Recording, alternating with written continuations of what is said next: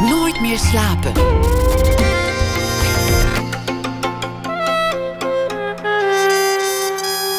Met Pieter van der Wielen.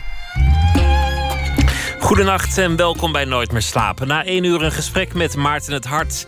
Heeft zijn hele leven naar eigen zeggen verlezen. Maar na een fietsongeval vindt hij weinig nog terug in de literatuur. Dat hoort u na ene. Acteur Jip van den Dol komt op bezoek. Hij brengt een eh, nieuwe vertolking van Julius Caesar van Shakespeare te zien in het Amsterdamse bos. Diederik Stapel is uh, filmkenner en psycholoog. Ooit zal zijn eigen leven verfilmd worden. Maar tot die tijd zal hij deze week in ieder geval zijn favoriete films uh, behandelen aan de hand van de actualiteit. Op de grens van fictie en werkelijkheid. Dat hoort u ook na ene, maar komend uur Piet Hein Eek. Wie Piet Hein Eek zegt, die zegt meteen ook sloophout. Want al in 1990 werd hij op slag wereldberoemd als ontwerper... vanwege zijn sloophouten kasten, tafels en stoelen. Inmiddels is er veel meer. Eek is een van Nederlands beroemdste ontwerpers. Over de hele wereld worden zijn uh, ontwerpen gekocht en gebruikt. Hij werkt inmiddels ook samen met uh, IKEA.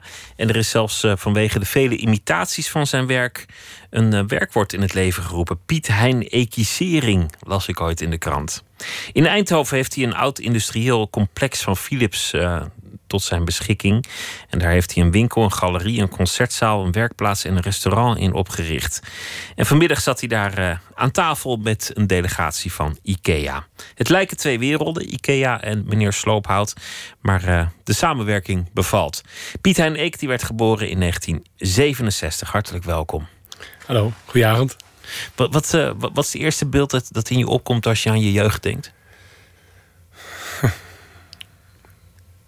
Grappige vraag.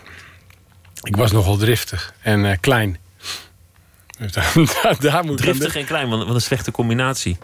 Ja, ik, nou, nou, groot en driftig is veel slechter. Want dan, dan maar, maar voor jezelf beter, dan maak je nog kans.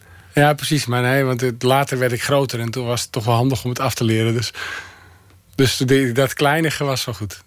Klein en driftig. Ja. Wat, wat deed je dan? Ja, hij was heel snel boos. Dan ging je nog gooien, schoppen, schelden? Ja, knokken gewoon. Uh, op school en zo. En, uh, alles wat niet eerlijk was, daar kon ik enorm van aan mijn dak uh, gaan. Zoals heel veel kinderen dat zeggen. En dat, zo, dat, dat, dat, is, dat zat er diep in. Dat is lang gebleven ook. Was je ook tegen draads? dat ben ik. Nog steeds, maar dat was je dan toen ook al? Ja, heel erg. Ja. En eigenwijs, want daar ben je ook volgens mij? Ja, ook heel erg. Ja zijn familie kwaad als ik erover nadenk. Dus ja, heel eigenwijs, heel tegendraads. En een beetje driftig als het niet op jouw manier geschiedde. Nou, de, de drift was oneerlijkheid meer. Dat ik er helemaal niet goed tegen kon als iemand ging pesten. Of als er iemand gepest werd. Weet je wel. Zelf, als ik gepest werd, dat vond ik niet zo erg. Gebeurde ook niet eens zoveel. Maar had je, ja, in zo die kinderen zijn best meedogenloos. Alle kinderen wel. Of tenminste, die dynamiek is heel erg. En nu mogen kinderen niet meer slaan. Maar heb je nog steeds van die intrigantjes zo. Die hadden we toen ook. En ik dacht dan op een gegeven moment, nou is het genoeg.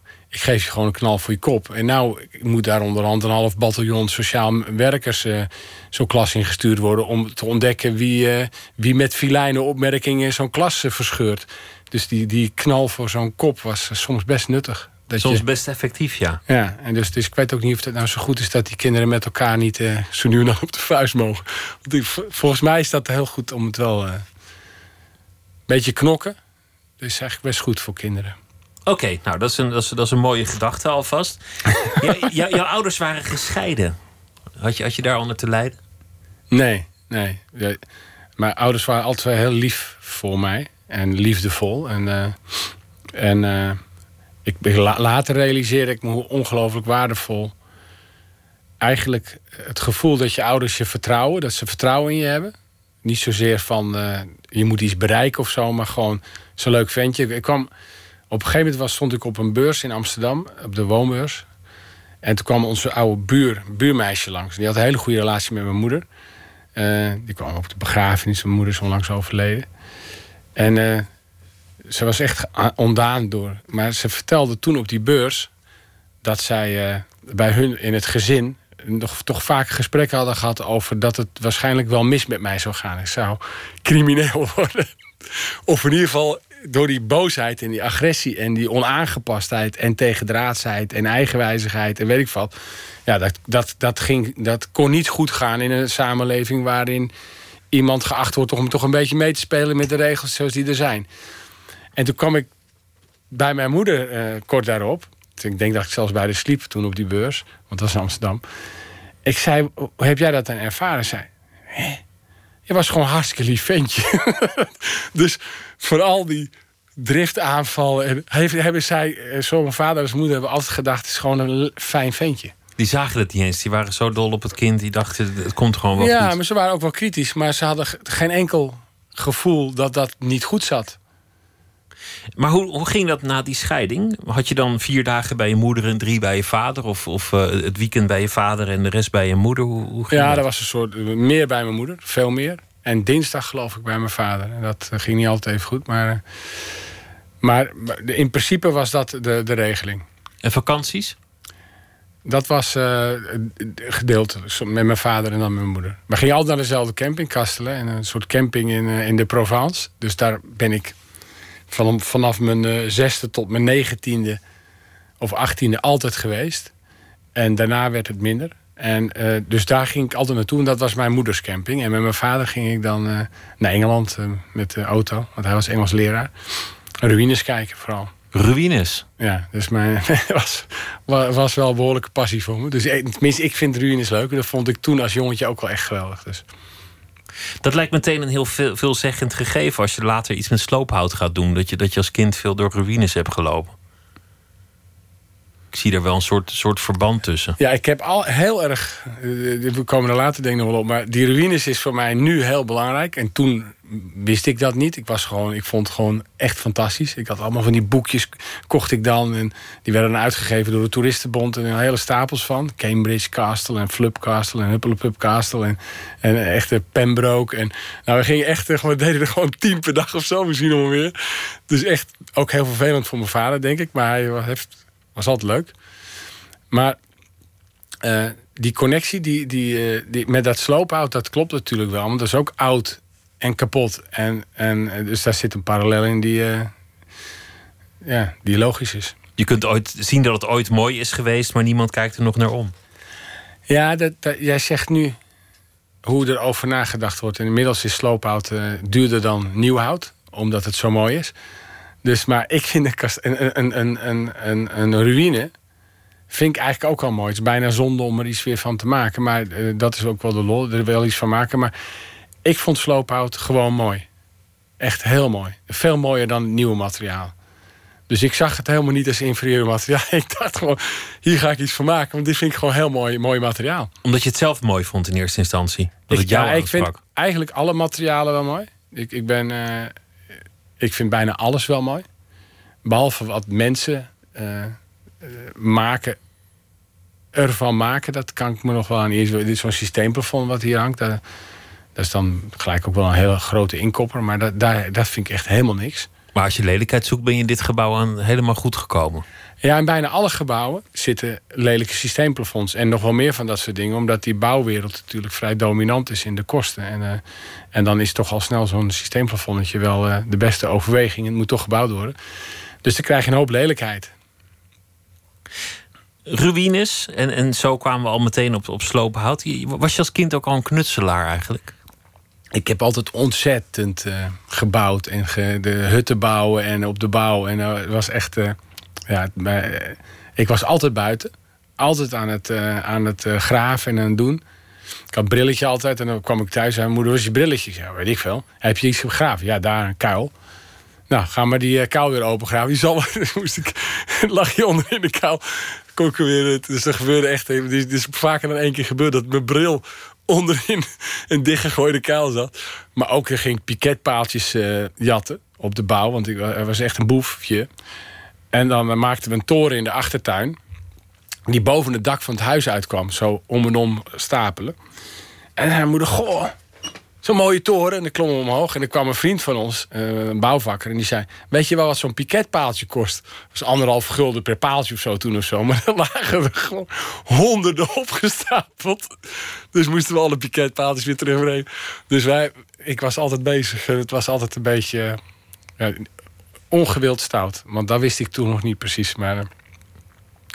Nou ja, je hebt het er ver mee geschopt. Ik bedoel, sommigen dachten dat het, uh, dat het mis zou gaan. Dat je een jeugddelinquent zou worden. Of, uh, of voor galgerat opgroeide. Maar uiteindelijk, alles wat je in je jeugd doet... dat heb je in je volwassen leven weten te kanaliseren... tot een zeer succesvolle carrière.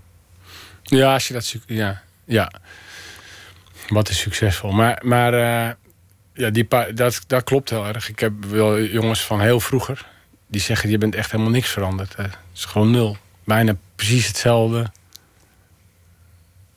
jongetje nog, zullen we zeggen. Dus dat, dat, dat diezelfde dan, energie en dezelfde, uh, dezelfde manier van denken en reageren... dat zit er nog helemaal in, ja. Je hebt zelfs een ruïne gekocht toen, uh, toen de beurs het toeliet in je latere leven. Ja, eigenlijk was het gewoon de eerste keer dat ik een beurs dat ik een ruïne kon kopen. En die, die, die, Zodra het kon, heb je het gedaan. Ja, het was meer de mogelijkheid dan dat er geld was. Want dat was, uh, bij mij zat het alles op. Dus dat was in dat geval ging het op aan een ruïne. En was het geen ruïne geweest, was het wel iets anders. Maar het is wel goed geweest. Los van het feit dat het een, uh, een bodemloze put was, is. Maar anders had ik het waarschijnlijk ergens anders in uitgegeven. Zo, zo, het gebouw is toch leuker dan uh, iets wat je. Hè, de, kan je naartoe en dan kan je in en dan kan je voelen. En, uh, dus in, de, in de Dordogne ja, staat het. Ja, ja, dat is een, uh, ja. We hadden vrienden nu van ons, die uit, ook, uh, uit het vak zeg maar, en ook anderen. En die zei: Het is niet normaal, het is gewoon een soort levenswerk. Dus, en het is, het is heel gewoon. Maar ja, elke steen is ongeveer op een bepaalde plek gelegd. En het is heel, heel, ja, het, voelt, het is heel natuurlijk, het hoort op die plek. Het is gebouwd op het fundament. Het is gebouwd zoals er toen gebouwd werd, alleen dan met cement in plaats van met prut. En, uh, en toch zit het helemaal vol met, uh, met hoe ik dan denk dat het nu moet. Zeg maar, het is gemaakt in de traditie van toen, maar met de techniek en de mogelijkheden van nu. Het voelt heel authentiek, maar als je goed kijkt, zie je dat er echt. Dat het aan alle kanten is er aangerommeld. Ik heb, ik heb foto's gezien en ik vond het, ik vond het werkelijk prachtig. Het was zo'n mooie combinatie van oud en nieuw en gerecycled en dingen die uit heel veel bronnen kwamen en ja. toch voortbouwen op een soort gedachte van het oude. En een heel wonderlijk gebouw en toch ziet het er heel strak uit. Ja, nou dat is dus het, het, het, nieuwe wat je toevoegt. Ook door de kozijnen. Maar er zitten heel veel, heel veel hele. We hebben bijvoorbeeld het was gewoon open ruimte uh, met twee gebouwtjes links en rechts en dan een dak wat doorliep. En daar werd het hooi opgeslagen. Dus dat is een houtconstructie. Maar die was helemaal weg. Alles was ingedonderd. En toen heb ik met hele zware dikke balk heb ik een soort constructie teruggezet. En daar heb ik gewoon glas in gezet. Dus het voelt alsof daar die constructie altijd gestaan heeft. En dat er later glas in is gemaakt. Maar dat hebben we al helemaal opnieuw gemaakt. Maar wel ging ik langs alle slopen of alle houtbedrijven daar. Heel veel houtzagerijen. Heb ik de oudste balken, die zal weet ik hoe lang daar liggen, gekocht. Omdat die zo mooi grijs en verweerd waren. Dus het voelt helemaal authentiek. Maar het is echt totaal eh, van voor naar achter bedacht. En, eh, en elk detail is ook niet normaal. Dus het is geen standaard detail. Dus nee, dat gaan we zo doen. Het is echt uh, hele mappen met tekeningen. Ja, wel leuk, ja. Je zei over dat sloophout, ik vond het meteen al mooi. Het was niet dat ik dacht, ik ga iets moois maken van iets lelijks. Je dacht gewoon, dit is zo mooi, hier wil ik iets mee doen. En, zo begon destijds in 1990 dat afstudeerproject, die kast. Die, dat was onvoorstelbaar. Je werd meteen een, een soort levende legende, want het, het, was een enorme hit, onmiddellijk. Ja, in een bepaalde scene. Dus een beetje de. Ja, mensen die van kunst houden en een beetje cult. En, het was natuurlijk heel anders. Maar het, het is wel als ik het niet had gedaan, was iemand anders gekomen met die rauwheid. Want dat was. De, elke trend heeft zijn tegentrend. En dat was toen minimalisme, zullen we zeggen. En, uh, en allemaal heel simpel. En het conceptuele vormgeven kwam op. Memphis was net geweest. Of, uh, dus alles was gelikt en strak en mooi. Ja, dan is het logisch dat iemand een keer iets heel grofs doet. Het, het waren de jaren tachtig met, met van die heel klinische interieurs. Ja, wat je, wat je nog wel eens in films kunt, uh, kunt terugzien. Ja, en het is wel logisch dat, dat, uh,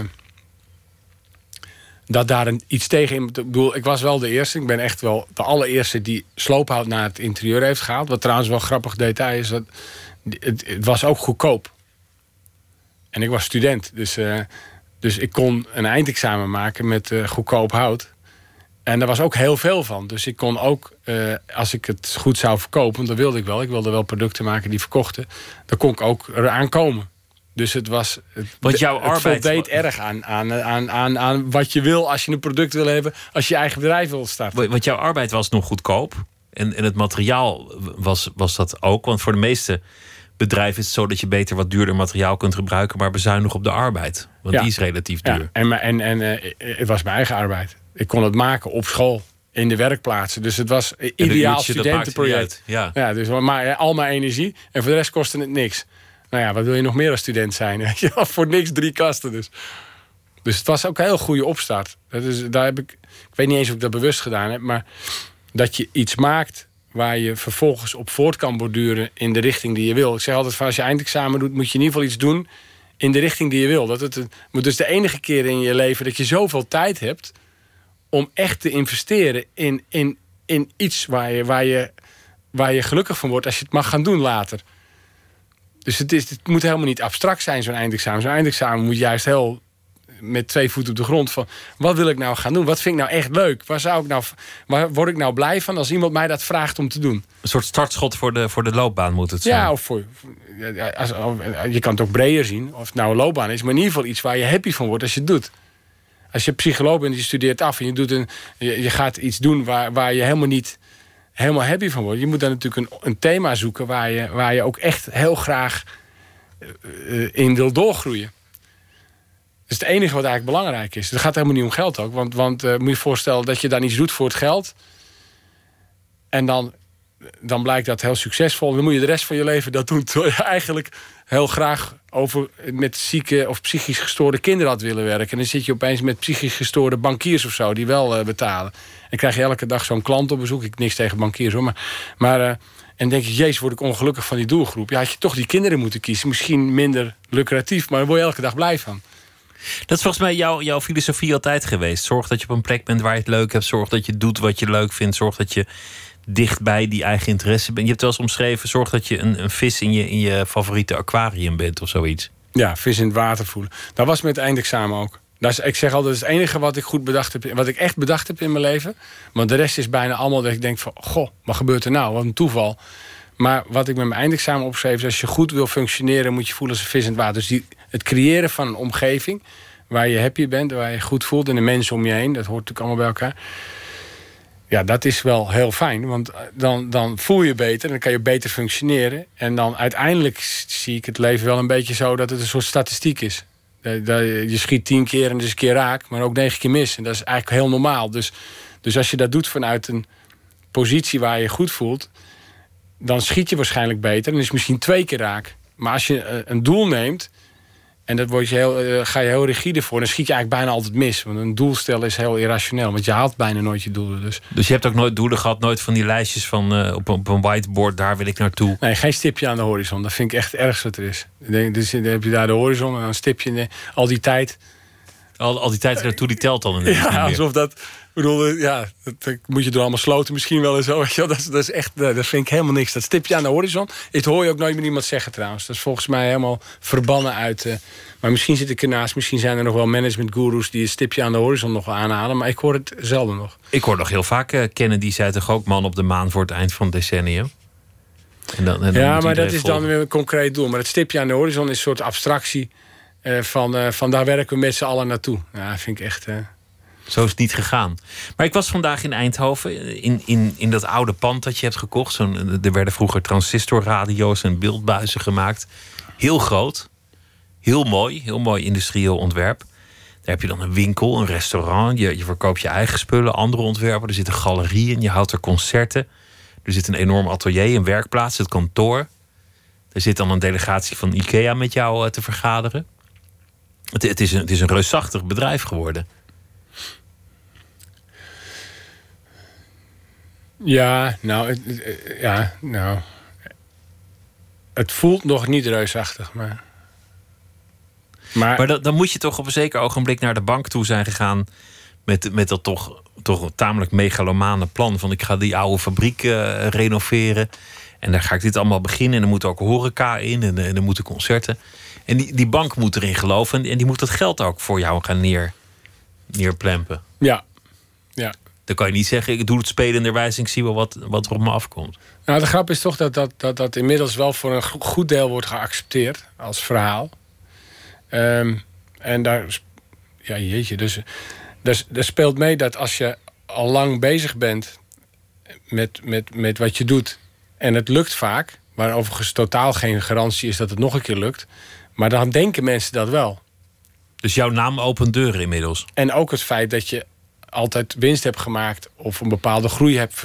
Of dat je zegt van, nou ik denk dat het zo gaat. Dat is voor een bank wel belangrijk, dat je eerlijk bent. Dus dat je, dat je een verwachtingspatroon uitspreekt en dat je dat meestal waarmaakt. Dus dat is voor hun wel fijn. Het hoeft helemaal niet hoog te zijn, als het maar klopt. Zij zien als, als, als, als, uh, als belangrijk gegeven dat je je eigen bedrijf en je eigen markt begrijpt. Nou, en daar begrijp ik eigenlijk helemaal niks van hoor, van die markt. Maar het komt toch elke keer wel zo ongeveer uit zoals we het bedacht hebben. Er is geen component wat we bedacht hebben. Maar de hele optelsom, ja, dat is dan aardig wat we. En dan speel ik ook vals. Eh, met, met, eh, dan, bedoel, je kan altijd wel iets schuiven ook weer en zo. Maar het is altijd met de boekhouding bedoel je dat je dat ja. Je het, ja. Ja, dus, dus het, het, het, het, lukt altijd. Maar, maar de bank gaat toch mee, ja. ja. Maar, maar, kijk je daar zelf niet met verwondering naar? Van hoe is dit me in hemelsnaam gelukt? Omdat, omdat het toch allemaal spelenderwijs gaat. Je bent die vis in dat water. Je bent lekker aan het ontwerpen. Je hebt ideeën die, die, die soms hele andere kanten op gaan. Van, van lampen naar racefietsen, naar, naar kleding, naar keramiek. En dan weer, dan weer antiek erbij. En dan weer vloerkleden. En ja, het gaat maar door. Ja. En dan Ja. ineens heb je toch zo'n heel complex waar je naam op staat. Maar wij hebben, wij hebben eh, ja, dat suggereert een beetje dat die, dat die, dat die veelheid aan onderwerpen, dat dat ingewikkeld is. Hè? Dus dat hoor ik ook vaak. En mijn vrouw ook, die zegt heel vaak, ja, dat, dat je versnippert en eh, je moet je met vormgeving eh, bezighouden en al die andere dingen niet. En op zich teken ik meer dan ooit op dit moment. Ik zit veel vaker te tekenen dan 10 of 20 jaar geleden. Omdat toen dat bedrijf was kleiner, maar had ik veel meer dingen die ik moest oplossen. En nu is dat team groter met mensen die eh, op heel veel op goede posities zitten. Ik had nou, eh, het is wel een omweg trouwens.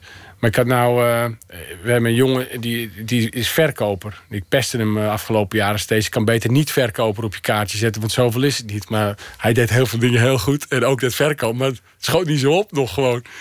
Maar nou opeens haalt hij projecten binnen. Of opeens, het is langzaam gegroeid. Dus die omzet is er gewoon. En er wordt van alles verkocht en geregeld. En met die klant gesproken. En dan wordt die kast. En dan moet ik, hoef ik alleen maar dat tekeningetje te maken. Maar heel het berekenen doe ik niet. Dus ik dacht op een gegeven moment, dat is gek. Ik hoef er eigenlijk helemaal niet zoveel aan te doen. Dat doet hij. En ik zit gewoon alleen maar te tekenen.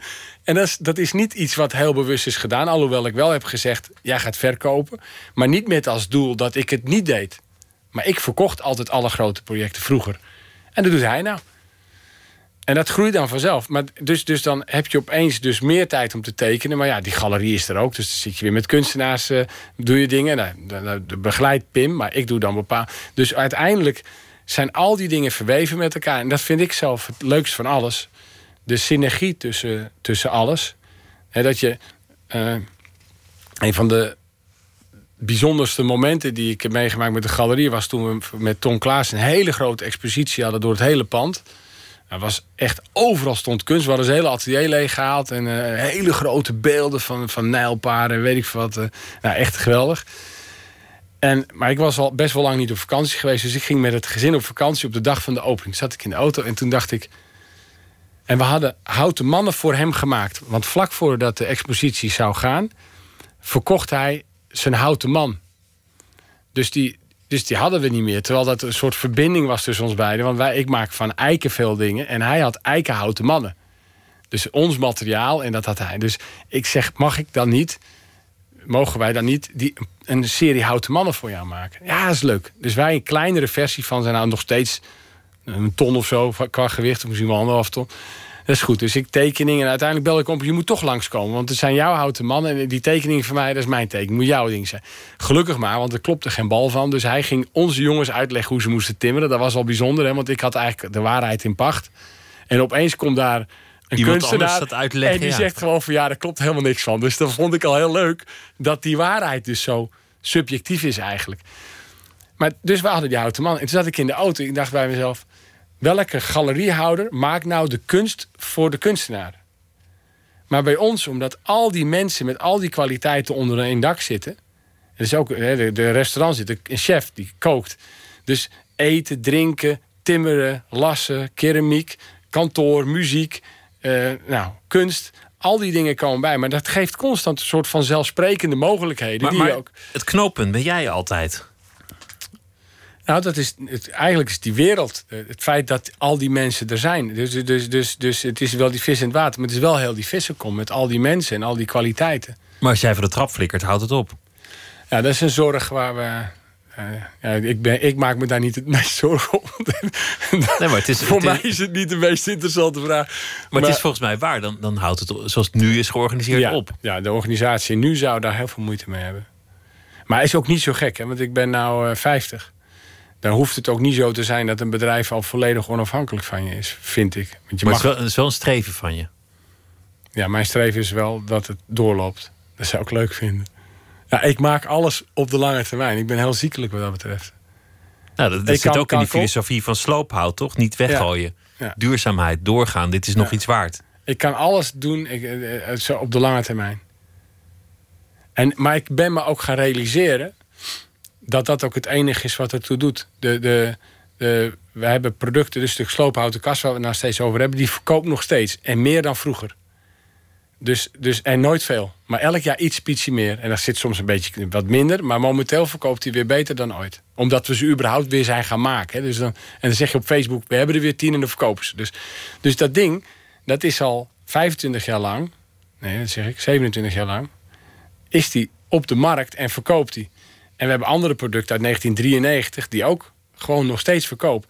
En er is bijna geen ontwerper die alles wat hij bedacht heeft nog steeds te gelden maakt. Maar wij, wij verkopen helemaal niet veel. Het is een paar kasten hier. En, maar het is wel allemaal nog beschikbaar. En dat lukt omdat we al zo lang bezig zijn. En alles wat ik gedaan heb is beschikbaar voor ons, voor ons bedrijf. En als je in de normale wereld van dat specialiseren, dus niet die grote hoop met dat iedereen door elkaar heen een stel mieren loopt. Dan ga je als ontwerper naar een bedrijf. Nou, dat kost al heel veel energie. Want voordat je dan een pen op papier hebt, ben je, natuurlijk al heel veel research gedaan en weet ik wat. En dan, en dan weet je eigenlijk nog niks. En dan ga je een tekening maken voor dat bedrijf. En daarna ga je weg. En dan ga je naar een nieuw bedrijf. En dan ga je weer weg. En dan ga je weer naar een nieuw bedrijf. Soms ga je naar hetzelfde bedrijf. Maar aan het eind van de rit is dat niet verbonden aan elkaar. Is het niet de investering die, bij dat, die, bij, die je bij je houdt. Maar dat, dat is waar jij van houdt. Alles, alles moet doorgaan. Eigenlijk ook een, een kast waar je je leven mee doet. Een Maar daar- ontwerp dat lang meegaat. Een ja, materiaal dat lang meegaat. Ja, dat duurzaamheidsgedachte, daar heb ik me altijd heel erg tegen afgezet. Tegen het maar tegelijk, dat, dat is de paradox waar veel ontwerpers mee worstelen. Vanuit die gedachte maak je iets waarvan je toch hoopt dat mensen het kopen. Zet je toch feitelijk aan tot consumentisme.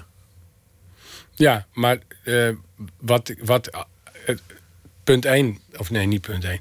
Ik probeer dingen te maken die dus lang blijven. Dat blijkt ook wel, want die. Want Dus je hoeft er maar één keer één te kopen. En we hoeven er ook maar één keer één te ontwerpen.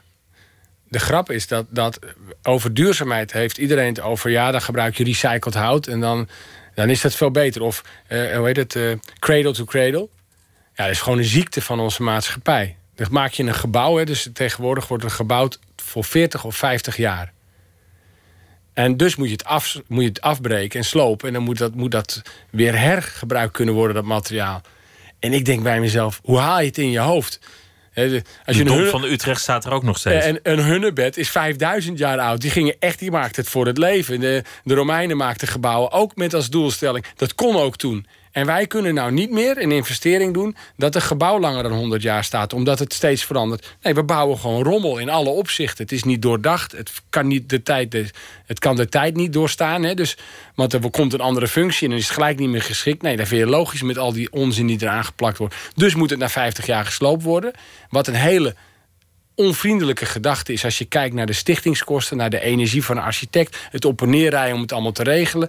Nou, al die energie wordt dan niet meegenomen. En dan zijn we heel blij dat we dat houtje wat er van afkomt nog een keer kunnen hergebruiken om eh, weet ik veel wat ze ervan maken. Want het- is niet dat ze er weer mee gaan timmeren.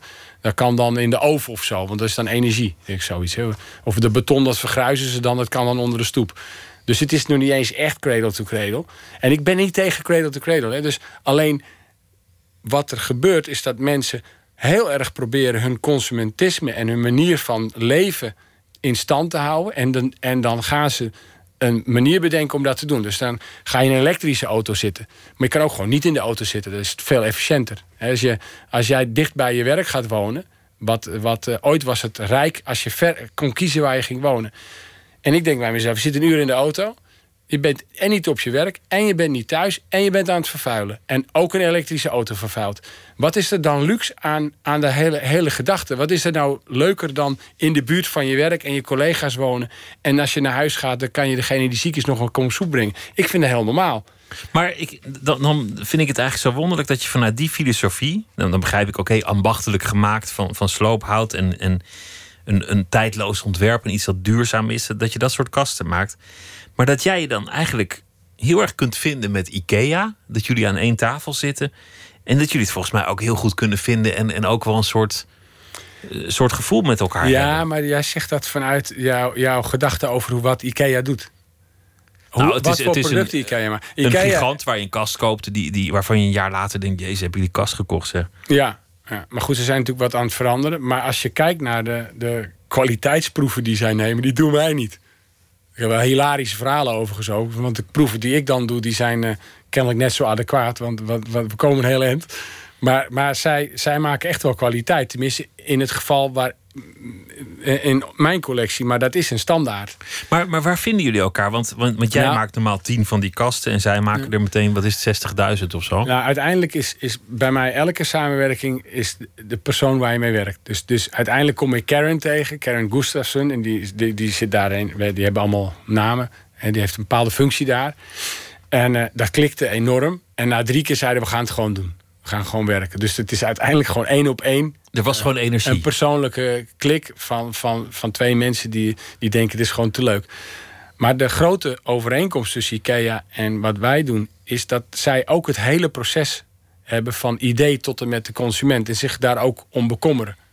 Dus de producent, en dat zijn zij zelf en hun toeleveranciers, tot en met degene die het gaat kopen, zien zij als het hele verhaal.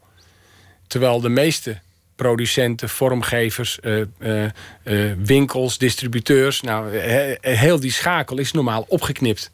En allemaal belanghebbenden die, ja, die, die, die, die het stokje aan elkaar doorgeven.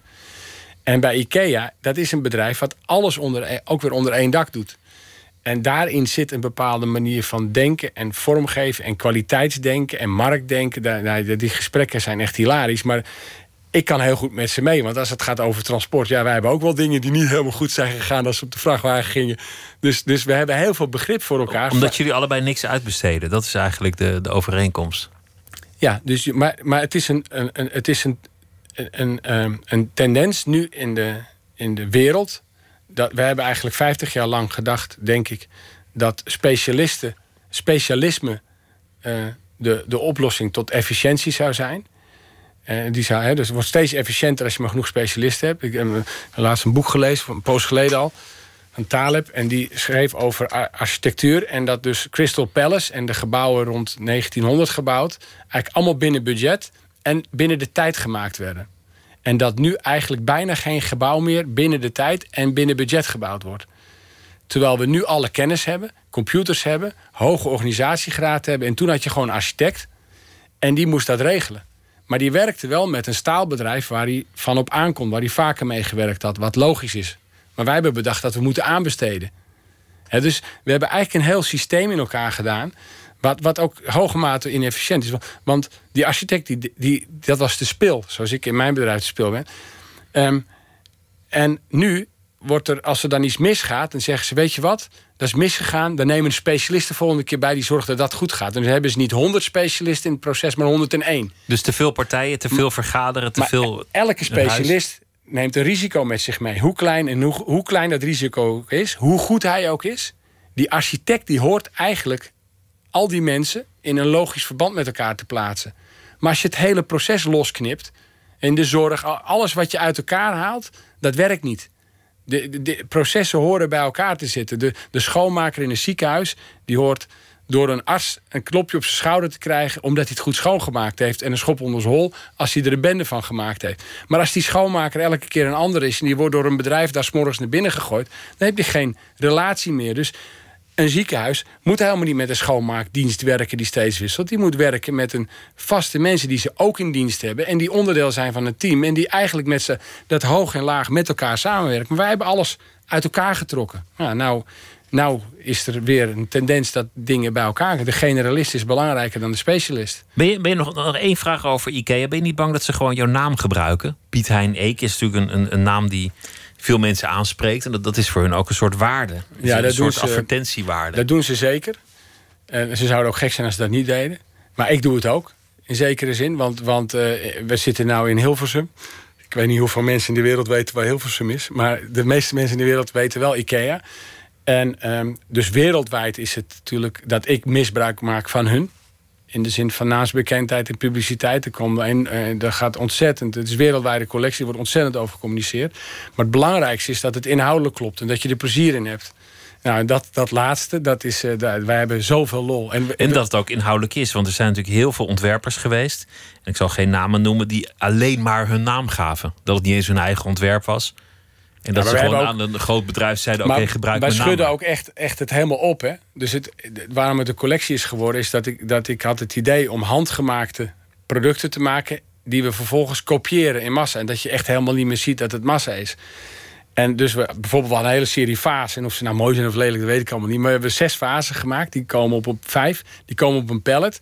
En elke keer helemaal at random. Soms twee van die, drie van dat. Dus, maar als je daarna gaat kijken, dan denk je echt dat ze allemaal verschillend zijn. Maar die komen uit de fabriek. En dan moesten we regelen dat in die fabriek niet netjes per pallet dezelfde zouden zetten. Ze mogen echt nergens op letten.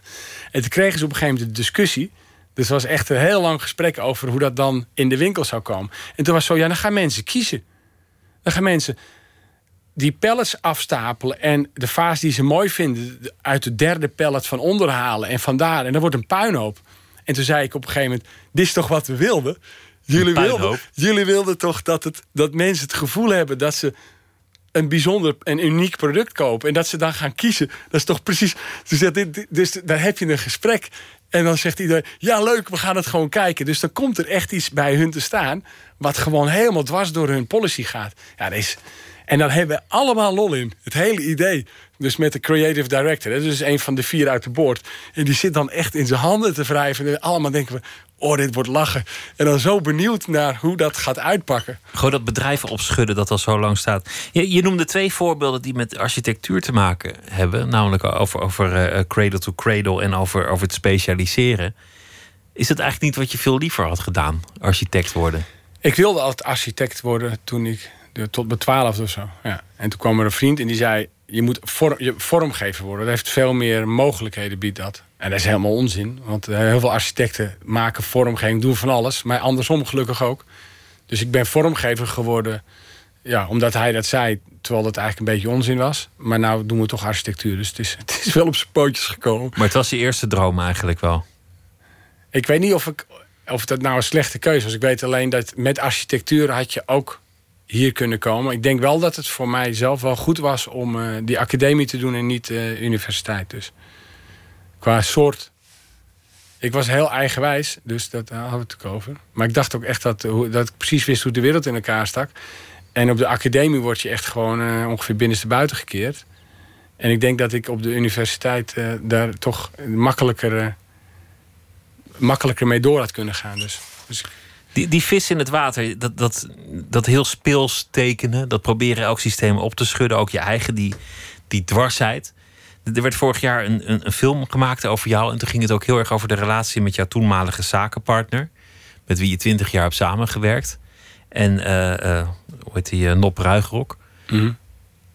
Dat werd op een gegeven moment pijnlijk, omdat de, de interviewer die vroeg aan jullie allebei op camera van... Gaat het nog wel goed komen tussen jullie? Lukt het nog wel? En toen zei jij, hardop denkend waarschijnlijk, nee, het komt niet goed. En hij hoorde dat voor het eerst. Ja, dat leek zo. Dat leek zo voor mij als, als, als kijker. Ja, dat is het rare. Dat is, een, dat is ook weer het toeval. Ik ben nogal gek op het woord toeval. Wij hadden al gesprekken gehad, veel. En ook al briefwisselingen gehad. Overigens, de interviewer die voelde dat haar... Dat is gewoon een goede vriend van ons eigenlijk. Die heeft ons zo lang gevolgd. Die kende ons bijna goed. En um, dus dat was al heel erg uitgesproken. Alleen uh, je kan soms iets honderd keer horen of iets honderd keer zeggen. Het wil niet zeggen dat het ook aankomt. Want hij zei: Ik hoor dit voor het eerst. Ja, en dat was niet zo. En uh, ik bedoel, ik heb daar zelfs mails nog van en zo. Alleen, dat was ook weer wel zo. Want als je dat zo ervaart, dan is dat zo. Maar je zou ook kunnen zeggen, je, je realiseert het je, het je voor het eerst. En ik denk dat, dat het toeval is geweest dat die interviewer, dat we die beide goed kennen. Dat, hè, niet koppen, dat het, ja, dat het een vriend is. Dat hij die, die verhouding heeft, dat hij dat kan vragen. En dat je daar ook eerlijk tegen kan en wil zijn en moet zijn. En uh, dat ook dat het feit dat een, een derde het vraagt en dat er een camera op staat, maakt dat, dat je dan voor het eerst het antwoord ook echt tot je door laat dringen. Als wij nu praten en ik zeg iets zo tussen neus en lippen door, is daar geen urgentie om dat per se keihard op te slaan als iets. Maar op het moment dat er een camera bij staat en er zit een derde persoon bij, dan ben je wel alerter op, wat, op de inhoud. ik denk, dus het, het is op dat moment, door het filmen, door die vraag, werd het voor het eerst bij Nop kwam het binnen van Jezus. Het is misschien wel afgelopen. Het was bijna alsof er een relatie strandde. Ja. Alsof er een soort huwelijk. Uh, ja. Nou is dat natuurlijk feitelijk daarvoor gebeurd, maar dat klopt echt, ja. Dat is, zo voelt het ook, ja. Want jullie, jullie hebben twintig jaar samengewerkt als, als partners, samen ook, ook het hele gebeuren opgezet. Ja. Maar, maar de conclusie, ook jouw eigen conclusie in die film was: ja, het, het is ook wel moeilijk om met mij samen te werken. Het is ook wel moeilijk om mij bij te benen, zei je. Of iets van, iets van die strekking. Ja, dat, valt niet mee. En ik, ik ben er altijd van uitgegaan dat ik met Nop dood zou gaan. Dus, dus dat we zouden eindigen samen. Dus en tot op een gegeven moment, ik dacht van, hé, dat gaat helemaal mis. Dus maar ik heb dat steeds weggedrukt. Zo. Ik wil, het moment dat je gaat denken van, dat gaat niet goed... dan is dat ook, gaat dat ook weer zijn eigen leven leiden. En uh, ja, voor mij was dat... Uh, uh, was het een gewoon een waarheid als een koe. Totdat het misging. En het ging mis omdat dat Nop eigenlijk... Ja, werd ongelukkig. Dus die vis in het water, dat was ik, maar hij niet. En dat had, ook, dat had misschien best wel goed kunnen gaan hoor. Maar het ging niet goed. En dat is ook niet verwonderlijk. Omdat het dus heel lastig is om, om uh, als compagnon, denk ik, naast mij in die hectiek. Want de, de, spanning is altijd wel heel hoog bij ons. Dat moet je ook niet vergeten. We hebben, er is altijd heel veel spanning. Om allerlei redenen. Dat, dat pand dat was gewoon zo super spannend zo hard werken, maar zo op het randje van alles wat maar mogelijk is. Dus dat, dat was, zullen we zeggen, pokeren met. Uh, er, was een, er was een opdracht voor, voor uh, het champagnemerk Ruinaar voor kistjes die, die dan net verkeerd berekend was. En dan, dan maakten jullie, ik geloof, 2 euro verlies op ieder kistje, maar het waren er 25.000. Dus dan, dan ben je een halve ton lichter. Omdat, dat soort dingen. Ja. omdat je iets te enthousiast ja hebt gezegd op een mooie opdracht. Nou, hadden we wel goed, goed bedacht. We hadden er 100 gemaakt in de veronderstelling dat dat minder snel gaat, of in ieder geval niet langzamer dan duizenden. Maar die duizenden bleken een stuk langzamer te gaan. Dan kom je bij van die grote processen van hoeveel minuten doe ik over één kistje. Ja, materiaal was het probleem. We konden niet, niet, genoeg, niet droog genoeg, niet de juiste kleur. Dus het gaf heel veel gedoe. Wij zijn helemaal niet goed in de grote aantallen. Dat is eigenlijk heel fijn. Maar dat bleek toen wel weer. Ja. Maar er zat ook heel veel nut in die opdracht. Hè. Dus uh, Rinaar heeft wel ook wereldwijd een enorme uh, input gegeven. Dus. Het vergt ook een zeker egoïsme of egocentrisme om creatief te zijn.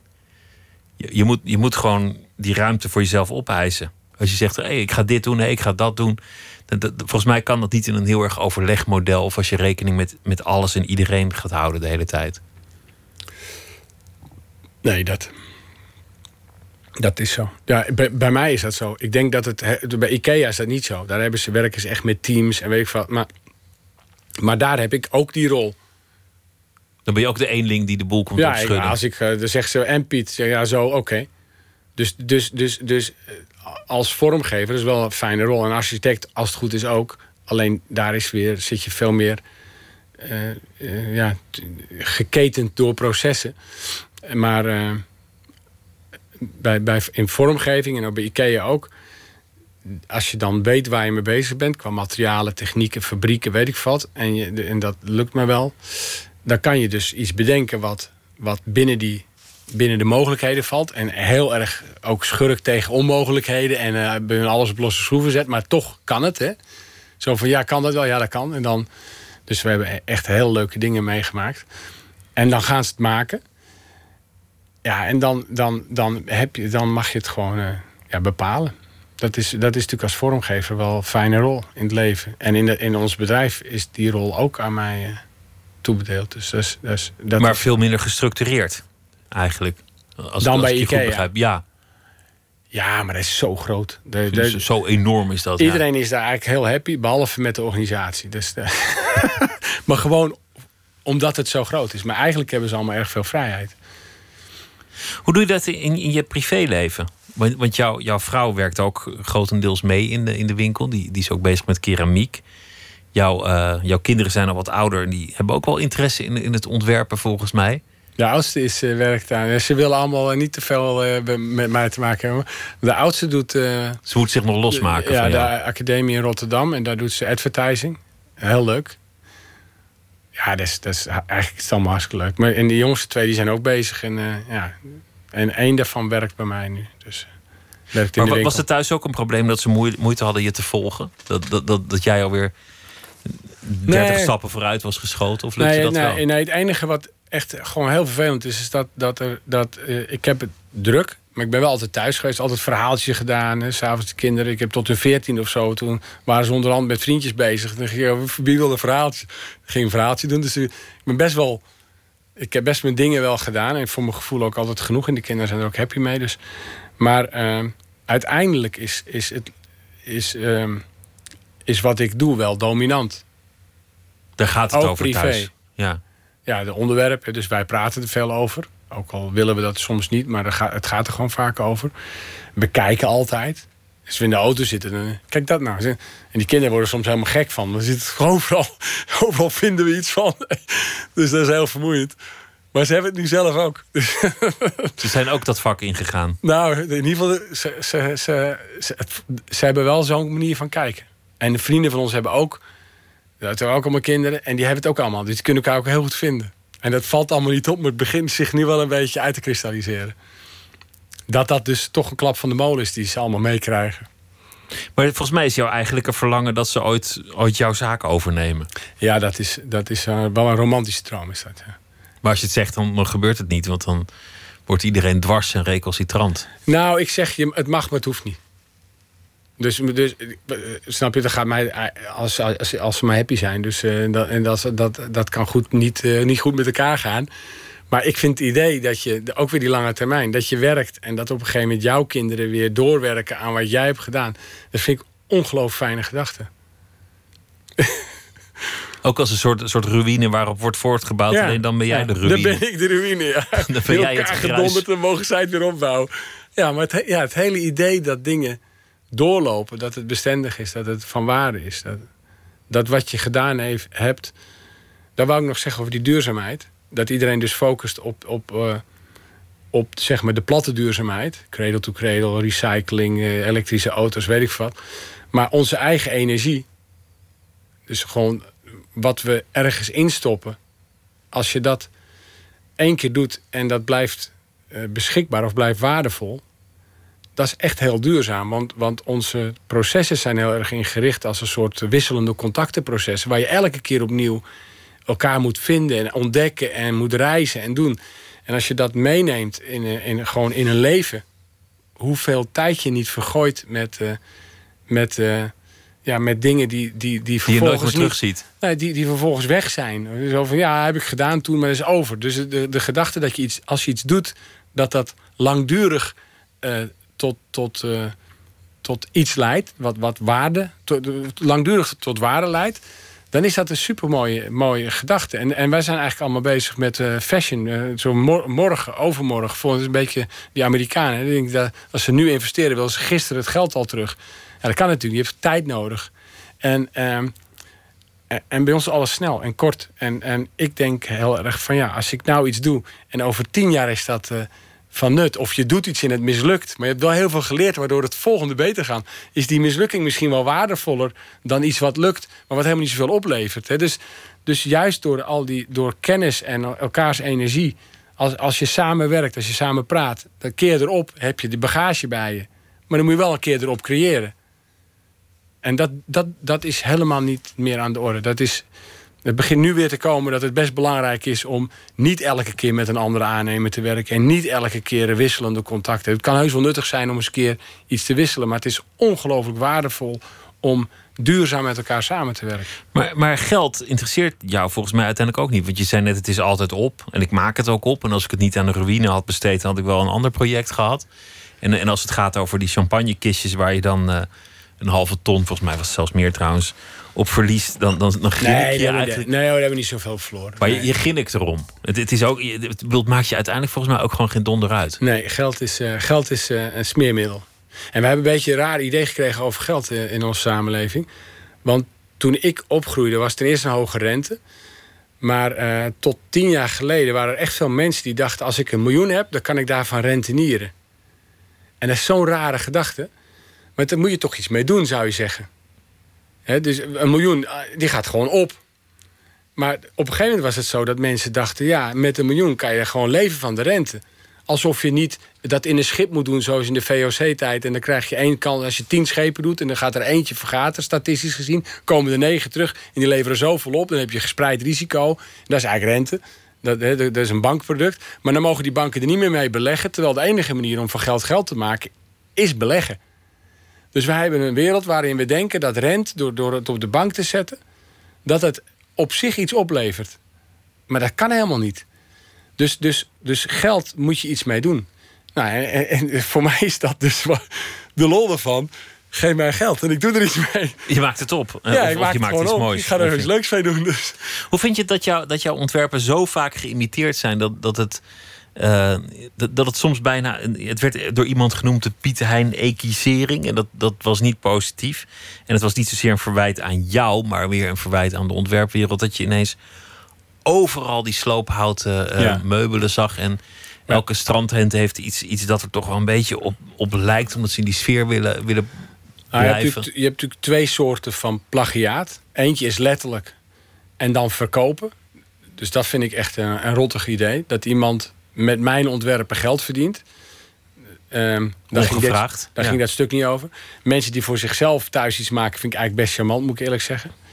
Iemand die, die gaat knutselen gewoon, met ja, dat je gewoon denkt, ja. ik ga gewoon zelf zo'n tafel maken. Maak gewoon na. En nou, heel veel tijd erin stoppen en dan net zo mooi proberen. Dat vind ik heel charmant. Dus da daar heb ik eigenlijk geen moeite mee. En die uh, Pita en ekivisering, of hoe het ook...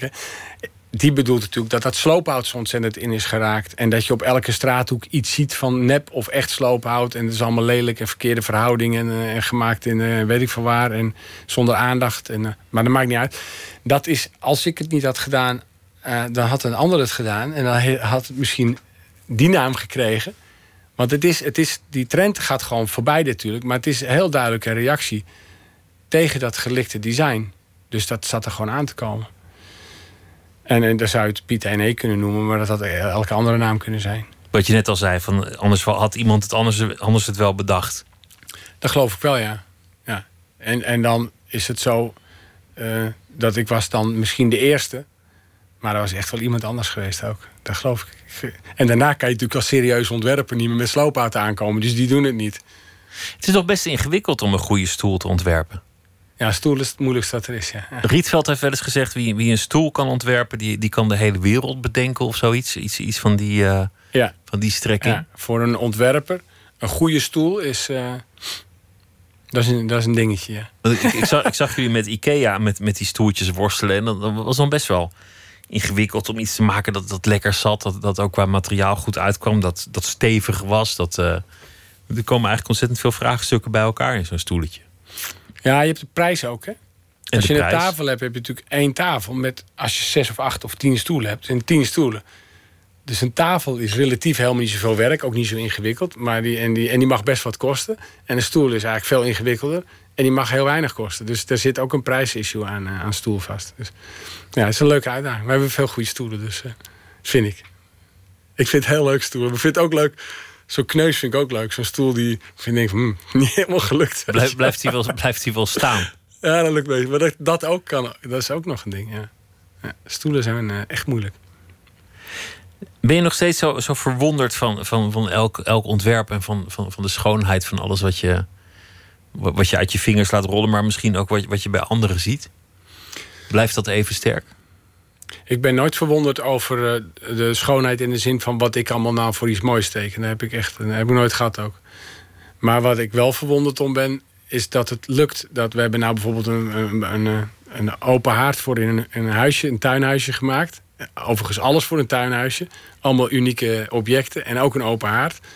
En dan heb ik zitten tekenen en bedenken. Best een gecompliceerd ding. En heeft Harm hem uitgetekend. En Damien heeft hem dan in elkaar gelast. En dan... En we hadden echt een rotweek deze week. Want er ging van alles mis. En toen liep ik de werkplaats in en toen stond dat ding. Ik zeg, ja... En het was echt helemaal perfect eigenlijk. Dus hoe lang heb je erover gedaan? Ja, een paar dagen. Terwijl het echt... Die was wel bedoeld zo van... Nou, dan mocht je wel even wat langer aan werken. En, dan, en dan, uh, dan is je hele dag weer goed. dus het, het wonder is dat, dat je iets bedenkt... en dat het vervolgens gerealiseerd wordt. En dat al die mensen dan dat doen en daar die kwaliteit in hebben. Dat is, dat, en, dat, en eigenlijk is dat dus... Uh, Physical, in ieder geval... Ik, ik, las laatst ook dat een stad... Uh, het gaat over van onderop de dingen evolutie, maar dan niet van de mens, maar in zijn algemeen. Dat steden per definitie efficiënter zijn dan dorpen en anderszins. En dat eigenlijk er ligt geen enkel ontwerp aan te grondslag ligt. Er is geen burgemeester die een stad ontwerpt en die zegt: uh, hier komt de bakker en dan gaat die toeleveren. En als het wel gedaan wordt, zoals in communistische, landen, werkt het ook niet. Maar elke stad is efficiënter dan een dorp. En dat komt gewoon omdat mensen met elkaar vanzelf uh, een verdienmodel bedenken. En, uh, en, iets gaan doen waardoor ze met elkaar. Denken, ja, dan ga ik broodjes verkopen. En die denkt die ander, nou dan ga ik dat mail brengen. En, en zo krijg je een soort organische ontwikkeling. En in een bedrijf is dat ook. Ik ben helemaal niet zo belangrijk. Maar die, in de zin dat als die mensen die maken het. Maar die weten ook wel, hij kan goed lassen en ik kan dit. En eigenlijk is de hele logica die erin zit die is, die is, dat zijn een ongelooflijke hoeveelheid van aspecten... die je helemaal niet eens in een organisatieplan kwijt kan. Dat zijn gewoon al die mensen bij elkaar... die met elkaar dat doen en die dat kunnen en die elkaar begrijpen. En dan gaat dat mis en dan gaat dat goed en doe je het keer erop zo. En heel dat proces is gewoon hartstikke onbestuurbaar. Maar je, je en dat vind ik mateloos leuk ook. Jullie hadden vanmiddag een, een, soort, een soort bakje met dingen die niet helemaal gelukt waren. Een paar lampjes en bedingetjes. Die vind ik dan eigenlijk ook mooier, want er, er is dan, die, die zijn dan een beetje slordig. Die, dat, vind, dat vind ik dan mooier dan degene die helemaal gelukt zijn. Dat, dat is, ik vind dat ook. Wij hebben heel veel producten die zijn begonnen met B-keusmateriaal... Wat, wat, dan bij wijze van spreken weggegooid wordt in de industrie. Dacht ik, ja, daar maak ik iets van. En er zit er dus een kras op. Ja, en iedereen, een kras op. En wij verkopen die dingen. En na drie jaar gaat opeens krijgen we allemaal klachten, zitten kras op. Dus je hebt er altijd op gezeten. Maar opeens verandert dan de perceptie. Het hele denken, ja, vind, is mooier. Dankjewel dat je te gast was. Het was leuk. Piet Hein Eek. En veel succes met uh, alles dat je gaat doen. Komt ook een tv-programma, maar daar weet je zelf ook nog niks van. Uh, maar dat is wel een soort nieuwtje wat je, wat je had. Ja. En zometeen gaan we verder met uh, Nooit meer slapen. Op Radio 1, het nieuws van alle kanten.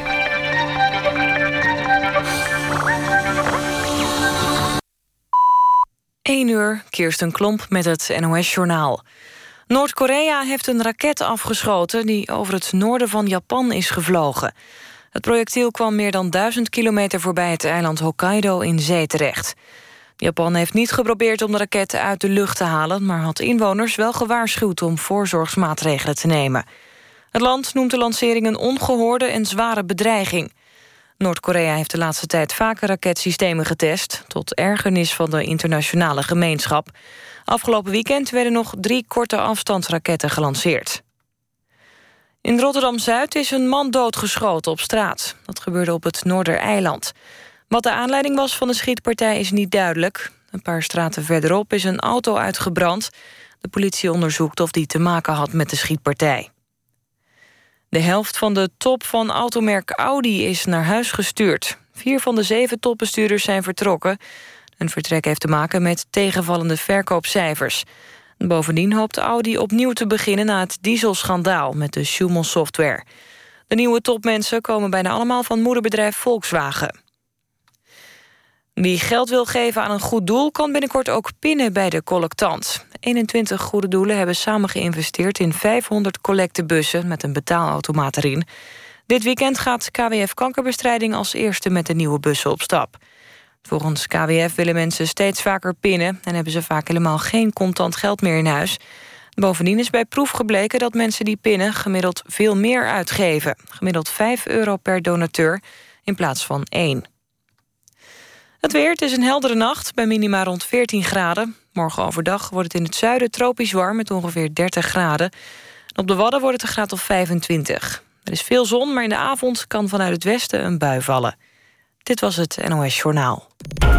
NPO Radio 1. VPRO. Nooit meer slapen.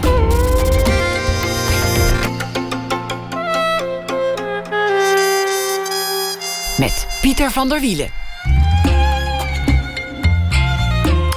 Maarten het Hart heeft het grootste deel van zijn leven verlezen, naar eigen zeggen. Sinds een fietsongeluk voelt hij zich wat somber en kan hij zichzelf niet terugvinden in de literatuur. Zometeen een gesprek naar aanleiding van een nieuwe essaybundel, De Wereld van Maarten het Hart. Acteur Jip van der Dol komt op bezoek. Hij is te zien in Julius Caesar, een toneelklassieker van Shakespeare. Die wordt uitgevoerd in het Amsterdamse Bostheater. Diederik Stapel is uh, auteur. Hij schrijft veel over film. Hij is een kenner en heeft zich uh, na zijn wetenschappelijke carrière toe toegelegd op het uh, bekijken en beschrijven van films. Deze week zal hij elke nacht een film beschouwen en proberen fictie en werkelijkheid bij elkaar te brengen. We beginnen met het uh, culturele nieuws.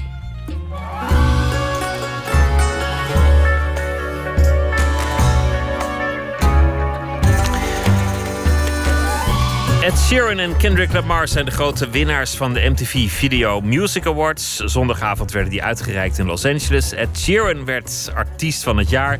En Lamar kreeg de prijs voor beste videoclip clip bij zijn uh, nummer Humble.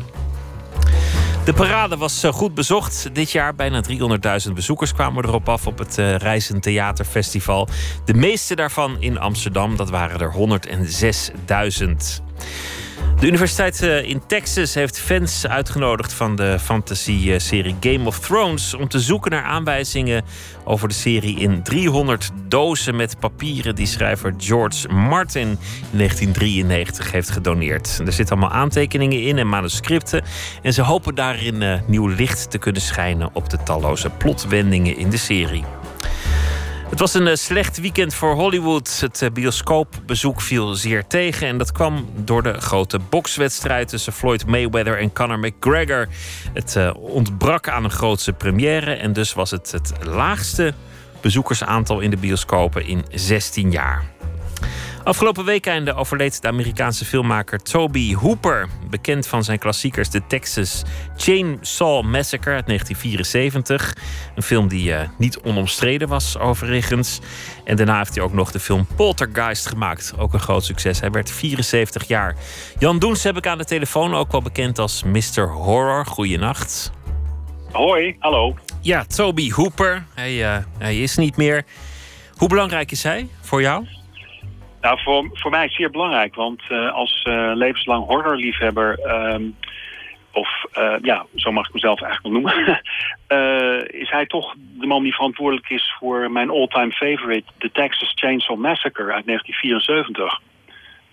Dat is voor jou de beste film in het genre ooit gemaakt? Ja, ja ik, hij blijft nog steeds stevig overeind. Ehm, uh, ik heb hem een paar jaar geleden, twee jaar geleden of zo, nog gezien um, in een 4K-restauratie bij het iFilm Instituut. Toen was ik een beetje bang van dat hij na al die jaren misschien, uh, ja, toch een beetje aan, aan, aan zeggingskracht zou hebben ingeboet. Maar dat bleek uh, absoluut niet het geval. Um, het is eigenlijk de, de Citizen Kane van uh, Toby Hooper, die film. Um, ik, ik beschouw hem ook wel een beetje als de Orson Welles van het horrorgenre. De man heeft ja, het was zijn tweede lange speelfilm en het is eh, de beste die hij gemaakt heeft. Hij heeft daarna nog uh, 10, 15 andere films gemaakt, maar die konden allemaal toch niet in de schaduw staan van, uh, van de Texas Chainsaw Massacre. Wat maakt het nou in essentie zo ontzettend goed? Waar, waarom is, is deze film zo geslaagd? Ja, god, dat is, uh, uh, dat is een lastige vraag. Uh, het, het, het, je moet het ook een beetje. Je moet hem toch ook uh, zien in de tijd waarin hij gemaakt is. Uh, uh, begin jaren 70. je ziet dan het, het horrorgenre echt transformeren van het ouderwetse, ja, van de ouderwetse, ouderwetse monsterfilms naar veel meer down-to-earth horror die bij wijze van spreken uh, ja, uh, thuis bij thuis zou kunnen plaatsvinden. Het, het, is ook de tijd van de Vietnamoorlog. In Amerika natuurlijk heel belangrijk. Ehm, de eerste oorlog die op de televisie te volgen is. Ehm, een, een, film die nog ietsje eerder gemaakt werd dan de Texas Chainsaw Massacre was Night of the Living Dead van George Romero. Ehm, George Romero is vorige maand overleden. Uh, het is een slecht jaar voor, uh, voor horrorliefhebbers. Maar, maar de, de, de Texas Chainsaw Massacre... Um, ja, is, is eigenlijk net als Night of the Living Dead... een film die heel erg dichtbij komt. Het gaat over gewone mensen die hele ongewone dingen meemaken... maar uh, ja, het is niet uh, het monster van Frankenstein of een weerwolf waar ze mee te maken krijgen, maar levende doden of zoals in de Texas Chainsaw Massacre, kannibalen. De, Alledaagse mensen die, die in horror terechtkomen waardoor je het, waardoor je het voelt. Het, het zou jou bijna kunnen gebeuren. Ja, ja, ja, het is ook een film. Uh, uh, ja, god, het is, als, je, als, je, als ik nu ga vertellen waar het over gaat, denk je: God, dat hebben we vaker gezien. Nou, toen nog niet. uh, het is echt een trendsetter geweest. Het gaat over een stel jongeren die uh, uh, in een, in een, ja, een klein gehucht in Texas terechtkomen. en, en daar eigenlijk stranden en, en, en dus stuiten op een, op een, ja, een familie die bestaat uit ja, ex-slachters uit een slachthuis die werkeloos zijn geraakt en die nu hun vak op een hele andere manier menen te moeten uitoefenen. Namelijk door lifters van de weg te plukken, in mootjes te hakken en uh, als barbecuevlees uh, te verkopen. Ik heb nu alweer zin om die film nog een keer uh, te bekijken. Ik vond Poltergeist ook een prachtige film. Poltergeist is ook een prima film. Ik bedoel, Toby Hooper heeft door zijn carrière heen nog meerdere, echt wel meer films gemaakt die de moeite waard zijn. Poltergeist is er zeker één van. Alhoewel een hardnekkig gerucht wat altijd al ging dat Steven Spielberg, die de producent van die film was, eigenlijk een stevige vinger in de pap had bij de regie, uh, onlangs uh, bevestigd is door een, um, ik denk dat het een geluidsman of een production designer was die op die film werkte. Uh, ik las nog niet zo lang geleden, ik denk echt vorige maand of twee maanden geleden, een interview waarin werd gezegd, nou ja, uh, inderdaad, Spielberg uh, gaf Toby Hooper een hoop uh, ruimte op de set. Maar eigenlijk was hij degene die bepaalde wat er gebeurde. Um, dus, maar het blijft een geweldige film. Maar ja, goed, het resultaat ja. mocht er zijn. Ja. AIE Filmmuseum in Amsterdam en Kino in Rotterdam... die zullen in september films van Hooper vertonen... als eerbetoon aan de overleden ja. filmmaker Toby Hooper. Ik, ik, kan daar nog aan toevoegen dat Criterion Amsterdam aanstaande zondag de Texas Chainsaw Massacre gaat vertonen op uh, glorieus 35 mm. Dus gaat dat zien. Nou, dat, uh, dat klinkt als een feest. Jan Doense, dank je wel en een, uh, een goede nacht. Graag gedaan.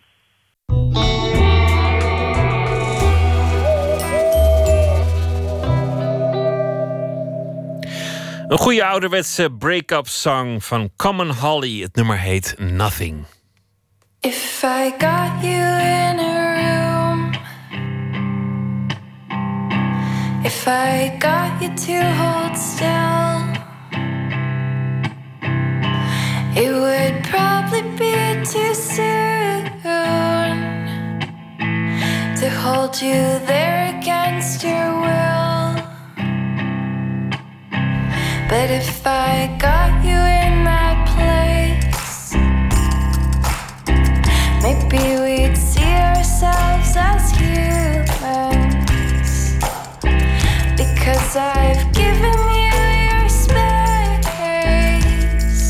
and it has left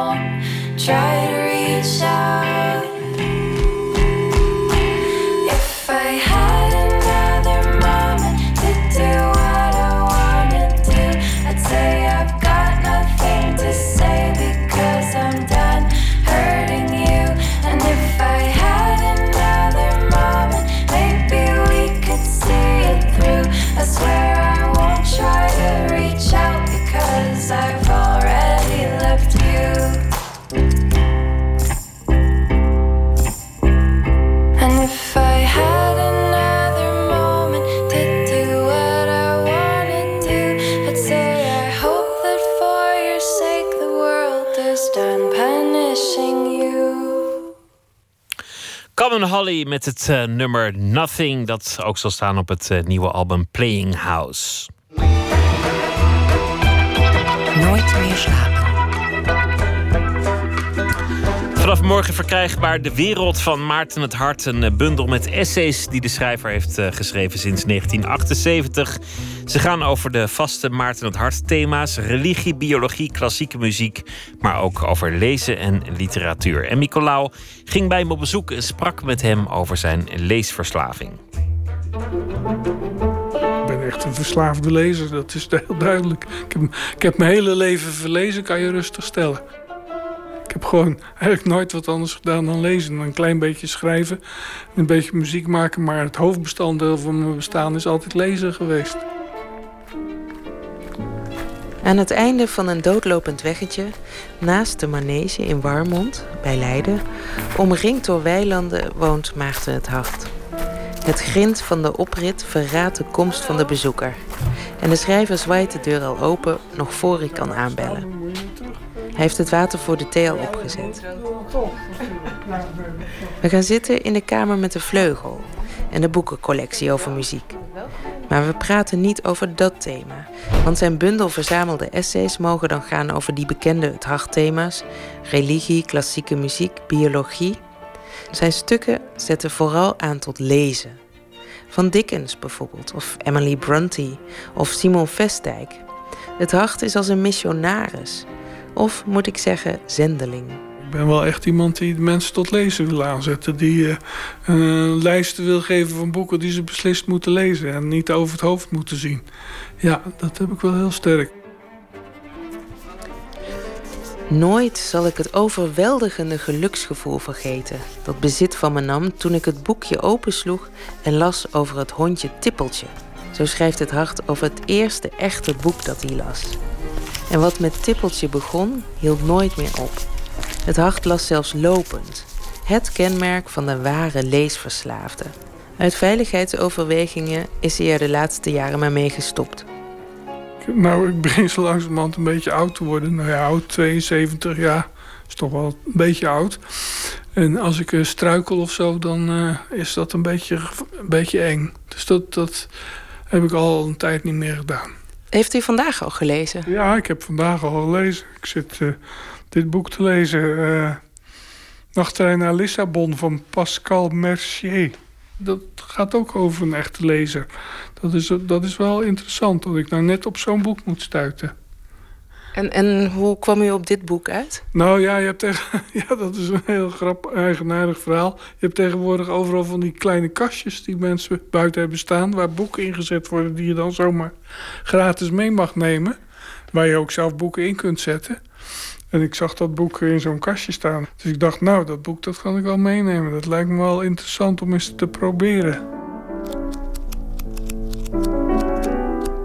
Dat er van die echte lezers zijn, is eigenlijk heel erg geheimzinnig. Heel eigenaardig. Het heeft ook biologisch gezien niet zoveel functie natuurlijk. Zeker niet als iemand zoveel leest dat hij aan helemaal niks anders meer toekomt. En ook bijvoorbeeld niet meer aan de voortplanting. Dan is het lezen helemaal uh, uh, een beetje belachelijk geworden.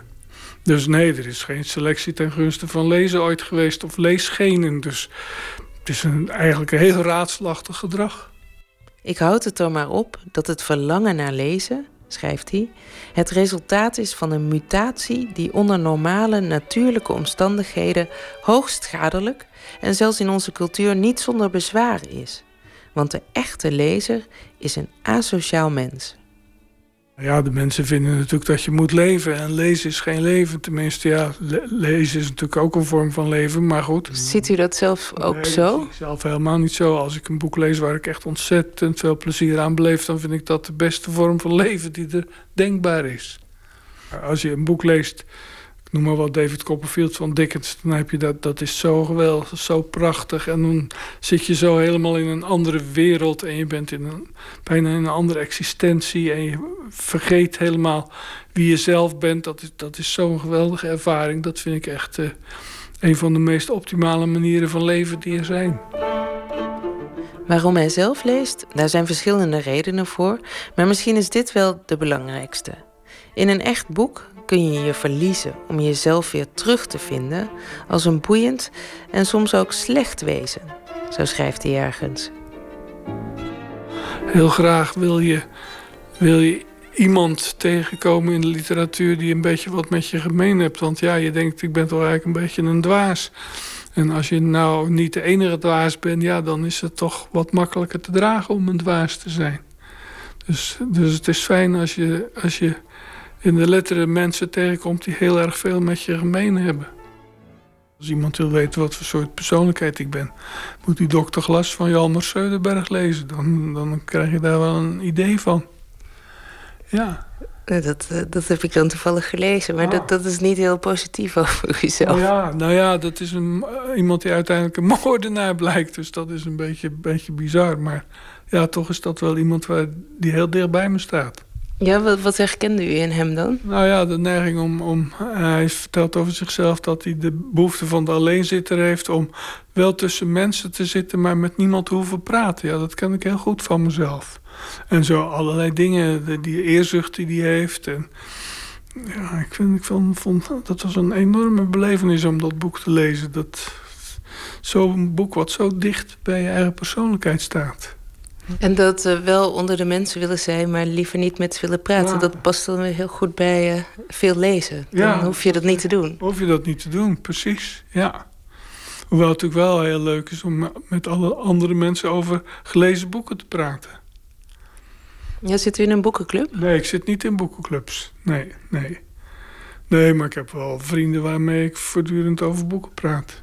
Wordt het op zoek gaan naar herkenning, wordt het dan minder op een gegeven moment als je jezelf denkt te kennen?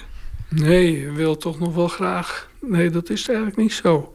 Je, je wil toch graag dingen, dingen herkennen in anderen die. Ja, ook, want, want er komen natuurlijk bij jezelf ook dingen tevoorschijn die, die je nog niet van jezelf wist. Ik ben nou uh, door de, die val van die fiets en door, door die rugpijn beetje depressief-achtig geraakt. En, en dat ken ik eigenlijk helemaal niet van mezelf, dat ik zo'n beetje somber ben.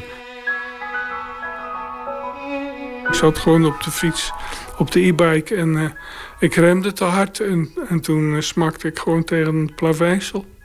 En misschien heb ik nog wel geluk gehad. Ik had met mijn hoofd op de grond kunnen, terecht kunnen komen. En dat was veel erger geweest. Maar ja, goed, die arm die was toch op... Die, was, die hele elleboog was min of meer verbrijzeld. Dus dat is ook heel moeilijk te repareren. En dat probeer je dan in de literatuur terug te vinden. Iemand met een vergelijkbare somberheid. Maar dat is me tot op heden nog helemaal niet gelukt. Nee? Nee. Terwijl er toch heel veel boeken over ja, er zijn depressieve mensen geschreven zijn. er zijn ontzettend veel boeken over depressies en hoe het is om depressief te zijn. Maar wat er met mij nou aan de hand is, dat is kennelijk zo uniek. Daar heb ik nog, nog niks gelezen wat ook maar in de vet erop lijkt.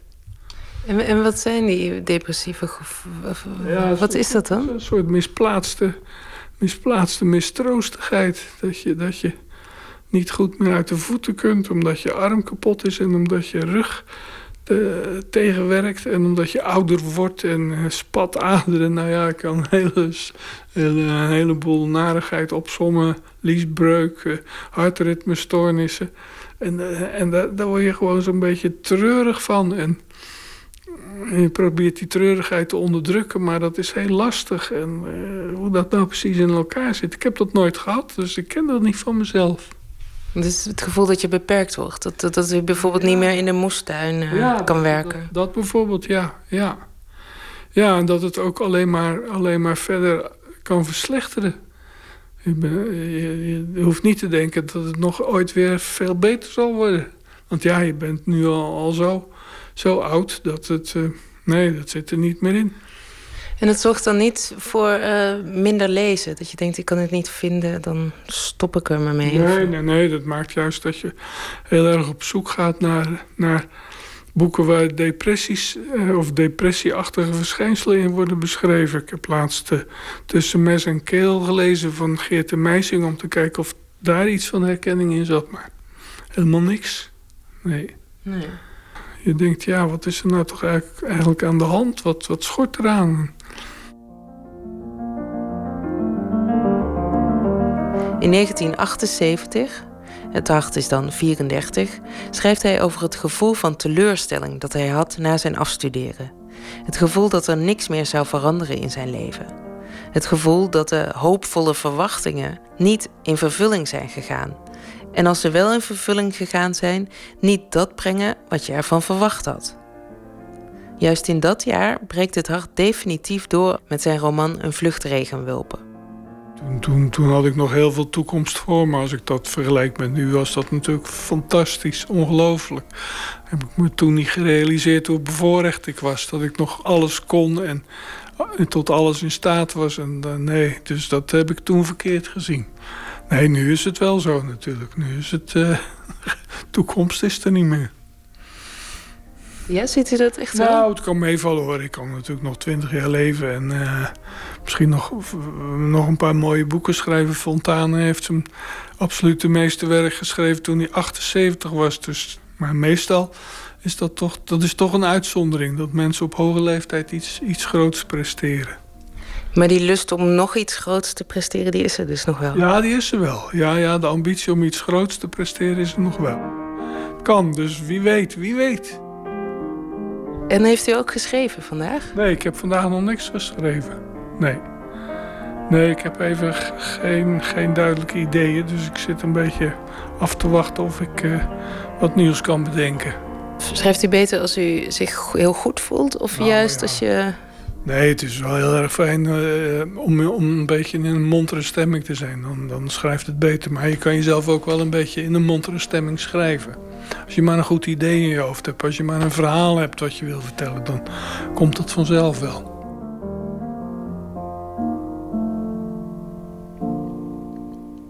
De wereld van Maarten het Hart, een bijdrage van Emmy Colau. Tommy Tucker was een Amerikaanse bluesmuzikant. Hij werd geïnspireerd door een uh, vrouw met, naar zijn inzien, vreemde schoenen die hij zag in een nachtclub. High heel sneakers.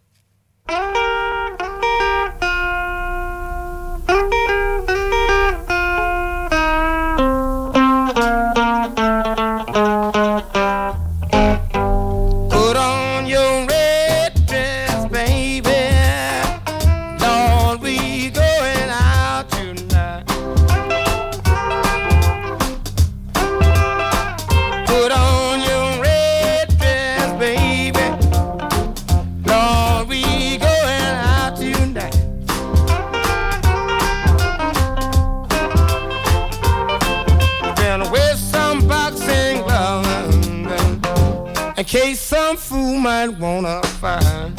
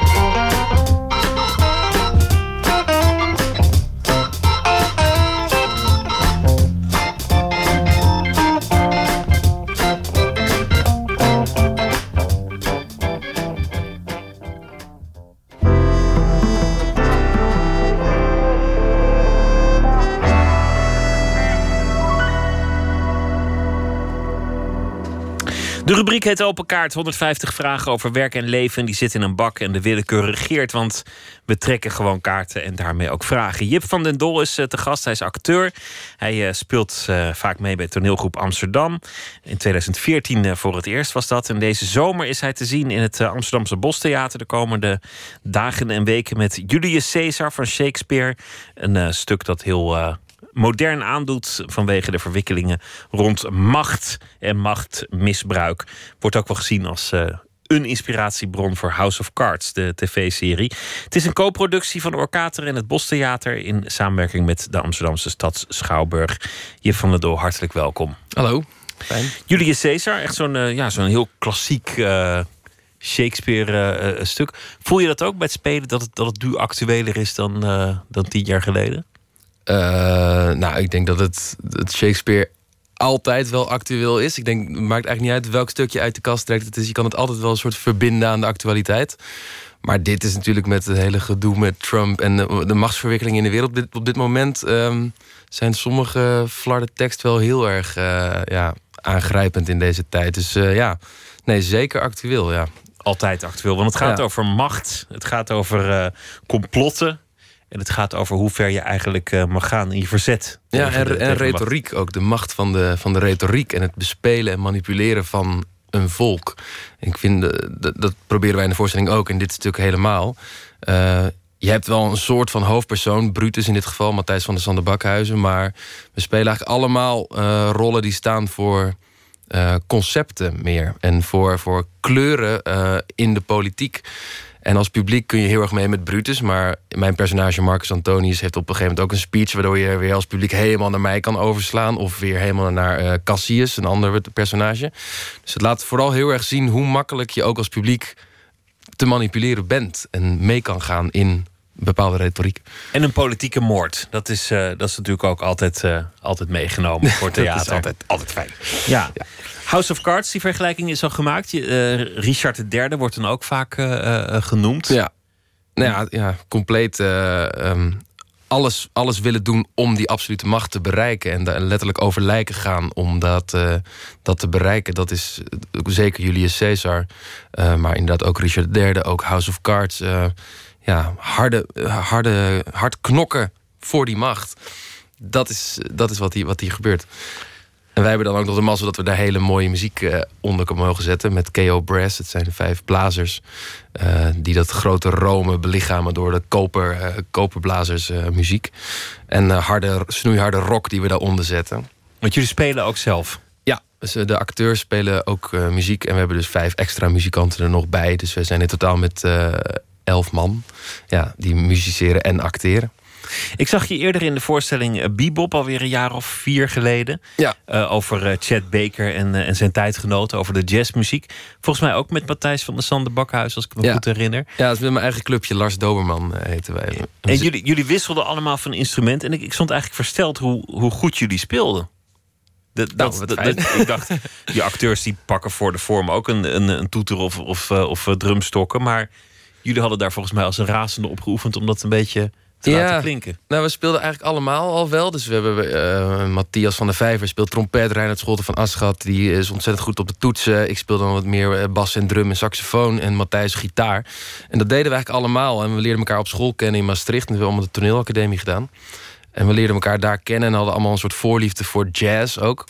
Uh, en jamden daar af en toe wat. En pas uh, na school kwam eigenlijk idee dat Orkater, uh, nieuwkomerstraject. Uh, nou, en uh, Matthijs en Matti die gaven daar een, deden daar een indiening voor. Dat was eigenlijk mijn stage bibelverhaal. Want ze zeiden, we willen je eigenlijk erbij. want jij kan ook spelen en, en musiceren. Dus we konden allemaal wat. Toen zijn we natuurlijk met z'n vieren nog veel meer de verdieping ingegaan... en heel veel geoefend en zelf nummers geschreven. En dat is die voorstelling uiteindelijk geworden. En we zijn nu ook in die lijn door aan het bouwen. We hebben in 2015 de familie Manson gemaakt over het leven van Charles Manson, ook met muziek erbij. En we gaan nu een uh, traject van vier jaar in bij Orkater als vaste maker om uh, meer van dit soort voorstellingen te maken. Is het ooit een, een, dilemma geweest in jouw leven? Moet ik gaan acteren of musiceren? Is het ooit zo serieus geweest? Nou, ja, ik heb er ook wel eens over gedacht: zal ik het, zou ik het conservatorium kunnen doen? Want ik, was, ik, ben, ik ben altijd wel met muziek bezig en probeer van alles te spelen. Maar ik weet niet, dat trekt me toch minder. Het, het, is juist de combinatie van de twee waar volgens mij mijn, waar mijn geluk heel erg ligt. En, uh, dus het is ook niet zozeer musical en het is ook niet opera, maar het is, ja, het is echt letterlijk muziektheater. Het is precies de, soort, de grens daartussen. Want laat, als we heel eerlijk zijn, acteren is eigenlijk ook muziek maken, maar dan met, met teksten, met je lichaam en je fysiek. Um, en die, die grens, ook dat het niet scènetje, muziekje, scènetje, muziekje wordt, maar juist echt de combinatie van die twee. Dat is wat ik een heel spannend gebied vind om te onderzoeken. Met deze companen van Lars Doverman. Je, je ging naar de toneelschool in Maastricht. Daar ben je afgestudeerd. Mm kon, je, kon je daar dat kwijt, dat, dat musiceren? Hadden ze daar aandacht voor? Ja, heel erg. Ja. Nee, ik had ook een hele fijne mentor daar. Die was zelf een hele goede bassist. Uh, Martin Verhezen heet hij. En uh, ik speelde zelf toen ook bas. Dus onze mentorgesprekken die bestonden ook heel erg uit... even tien minuutjes praten, hoe gaat het op school? En dan gingen we een uurtje met z'n tweeën, twee basgitaren tegenover elkaar gewoon jammen. En heel veel ruimte ook op die school om je eigen projecten te maken... en eigen performances te maken. En dat heb ik ook altijd met muziek uh, gedaan. Uh, dus er was zeker heel veel plek voor om dat uh, te ontwikkelen, ja. ja. Laten we beginnen met de kaartenrubriek. Yes. altijd spannend. ga je gang, trek een, trek een vraag als ik, je wil. Ik ben benieuwd. Even kijken. Oh, yo, dat is een goede binnenkomer. Dit. Wat voelt lekker? Wat voelt lekker? Wat is dat voor vraag, joh? Ja, heb, jij deze vraag geschreven? Nee. Wat, wat, voelt lekker? Wat voelt lekker? Nou, ik had eh, vorige week een massage, dat, was heel erg, dat voelde heel erg lekker. Maar wat. Uh... Nee, ja, oh, nou, wat heel, we hebben het toch over muziek. Wat heel erg lekker voelt, vind ik als je met een goede koptelefoon op, of bij een concert of wherever, dat moment dat je net een paar akkoorden hoort waardoor je kippenvel krijgt. Ken je dat? Ja, dat ken ik heel goed. Ja, dat, dat heb je niet zo vaak ook. Tenminste, ik heb dat niet zo vaak. Maar als dat gebeurt, dan gaat het toch een soort. Uh, ja, een soort. Ja, ik zie, ik kan het niet eens met woorden zeggen, maar een soort, alleen met geluid. Een soort. door je lichaam. Dat voelt heel lekker. Ik had het gisteren. Toen liet iemand een, een, een liedje horen van, van Radiohead. Dat ik, dat ik nooit gehoord had. Welk liedje? Ik ben de titel vergeten, maar, maar er, er zaten een paar wendingen in die, die zo spannend waren en zo onverwacht en zo mooi dat ik, dat, dat ik echt een fysieke reactie kreeg. Ik heb het ook heel veel met Radiohead, ja. Klopt, ja. Dat ik echt dacht van wauw, wat is dit, wat is dit briljant. Hoe hebben ze dit voor elkaar gekregen? Oh, maar je weet niet meer hoe het heet, het nummer? Nee, nee, ik kom oh. er niet op. Ik kom, kom er niet op. nee. ja. Als ik het weet, dan, laat ik het je weten. Trek nog een kaart als je wil. Yes. Wat voelt niet lekker? Nee, zo. Uh, wanneer is het idee voor dit werk geboren? Uh, nou, dat is uh, ook wel duidelijk. Mijn, mijn stiefvader, die werkt... Erik, hij is nu ook aan het luisteren, want hij vindt het een heel leuk programma. Hoi Erik. die, ehm, die is verhalenverteller van beroep. En die had vroeger een jeugdtheatergezelschap in Groningen. En als, uh, nou ja, ik, hij is al mijn stiefvader sinds ik drie ben. Dus uh, ik ging altijd met hem mee, ook daarheen. En hij was acteur, maar ook artistiek leider van die, van die groep. Theater Benjamin. En daar liep ik altijd een beetje rond tussen de, de, technici en tussen de lampen en tussen de acteurs. En eigenlijk door hem is dit, dit, dit idee geboren. Ja. Toen begon ik met amateurtoneel en zo op school, schooltoneel. En zo is dat een beetje maar je hebt het als, als kind al gezien en gevoeld en, en dat, dat heb je gewoon met je meegedragen. Ja dat, ja, dat komt echt door hem, denk ik. Ja. Want het was niet dat ik ja, een keer naar het toneel ging en dacht: Oh, dit moet ik doen. Nee, dat was echt, denk ik, door hem vooral. Ja. En ook door zijn enthousiasme over het vak. Uh, dat ik dat zelf met mijn eigen ogen ook dan ging zien. Ja, daar ben ik hem ook wel dankbaar voor. Dat, dat is wel, heeft het wel het zaadje geplant, denk ik. Ja. Laten we nog een vraag doen. Lijk je op je vrienden? Uh, ja, in zekere zin uh, heel erg. Maar in zekere zin ook helemaal niet. En daarom zijn het ook hele goede vrienden. Zoals die jongens van Lars Doberman, dus Reinhard en zo, dat zijn hele goede vrienden van me. Uh, en we lijken allemaal erg op elkaar qua ongemakkelijke humor en uh, voorliefde voor bepaalde muziek en vreemde ideeën en voorliefde voor het experiment. Maar ook ik ben veel nuchterder dan bijvoorbeeld uh, uh, Reinoud, die veel zweveriger is. En dat maakt het ook zo. Dat maakt het ook zo'n interessante vriendschap. Maar uh, Reinoud en, en Matthijs die kennen elkaar al een hele leven. Ja. Want hun, hun vaders waren bevriend. Ja. Kan je, kan je daar nog tussen komen? Kan je, kan je daar nog bij komen? Of hebben die inmiddels zo'n taal ontwikkeld met z'n tweeën dat, dat het niet meer te volgen is voor derden? Nee, ja, die hebben met, met elkaar zeker wel een soort een hele andere band. Ja, absoluut, absoluut. Nee, maar daar, hoef ik ook niet tussen te komen. Ik kan me er wel een soort van bijvoegen. Ja. ja.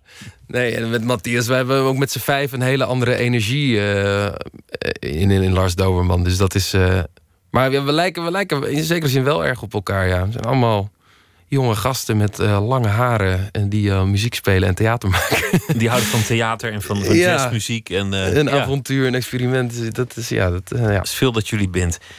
Trek nog een, een kaart als je wil. Jeetje. Uh, hoe wil je dat mensen zich jou herinneren?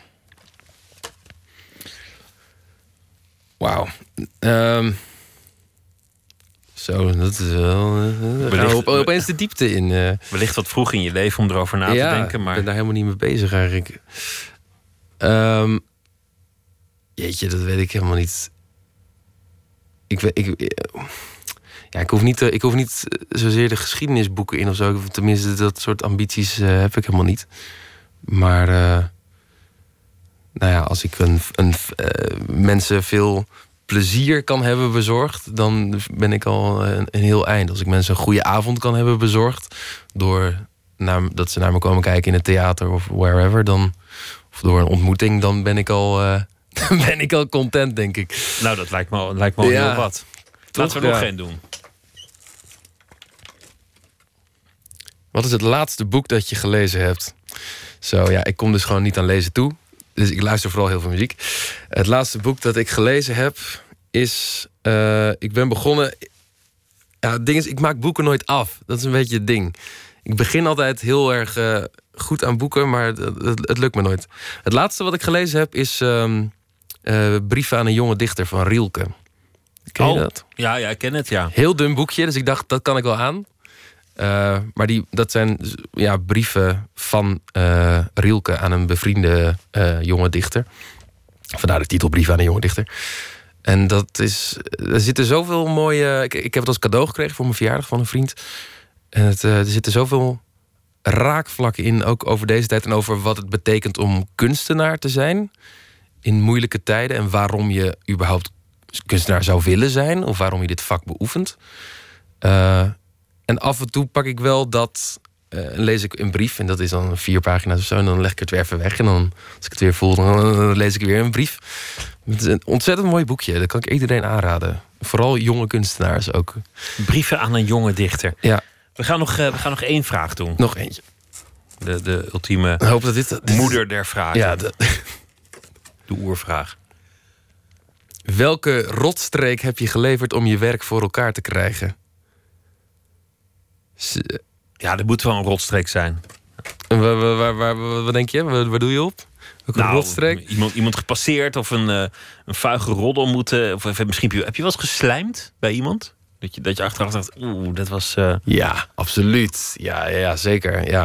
Ik weet niet of het een rotstreek is al, maar... Is, ja. Nee, kijk, ik ben helemaal niet zo van... Uh, dat, vind ik ook, dat vind ik ook jammer aan dit vak. Het competitieve daaraan. Er zit een soort competitief ding aan het vak uh, acteur. Uh, ook in theater, maar vooral ook in film en, en series met castings en whatever. Ik bedoel, je beste vrienden kom je gewoon tegen in castings. En iedereen hoopt natuurlijk dat hij die rol krijgt of niet. En dat, dat zorgt voor rare spanningen af en toe. Waardoor ik zou zeggen, nou, ik heb vast wel eens geslijmd bij iemand of zo. Dat wil, ik wil niet ontkennen dat ik niks heb gedaan of zo. Maar ik zou, ik zou dat niet uh, in mijn hoofd halen om iemand zo te passeren of uh, vuig over iemand uh, te roddelen voor mijn eigen gewin. Omdat ik daar zelf zo'n hekel aan heb dat ik dat niet over mijn hart zou verkrijgen omdat iemand anders, om iemand anders zoiets te misgunnen. Nee. Ik geloof dat het op termijn ook niet helpt. Dat denk ik zeker niet, nee. En ook, volgens mij zit in het vak ook, dat heeft een wijs man ooit tegen me gezegd. je, moet, je moet mensen te vriend houden, want je kan ze overal weer tegenkomen. Dus ook als een, een, een samenwerking een keer niet goed is gegaan, moet je toch proberen het goede daarin te zien. En met diegene toch nog te kunnen willen samenwerken. Omdat die mensen altijd wel weer anders in subsidiecommissies zitten of uh, whatever. Uh, nou, dat vind ik wel iets moois om naar te leven. Geen, geen, geen ja, hoe noem je het? Grudges. Nee, en geen uh, Shakespeareaanse machtswisselingen. dolkstoten. En dolkstoten. En nee. jij ook al. Ja, precies. Julius Caesar te zien in het uh, Amsterdamse Bostheater. En uh, nou ja, heel veel plezier en heel veel succes daarbij. Jip van den Dol, dankjewel. Hier is Jack Cooper met het nummer North of Anywhere. This isn't a protest song. I need sign. Too scared to say the wrong thing. I need a sign. Locked in and anesthetized. I need a sign.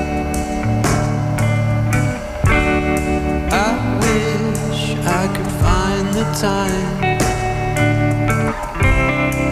need a sign, but it's bad, and I am trying to shout, but the weight on my chest is ringing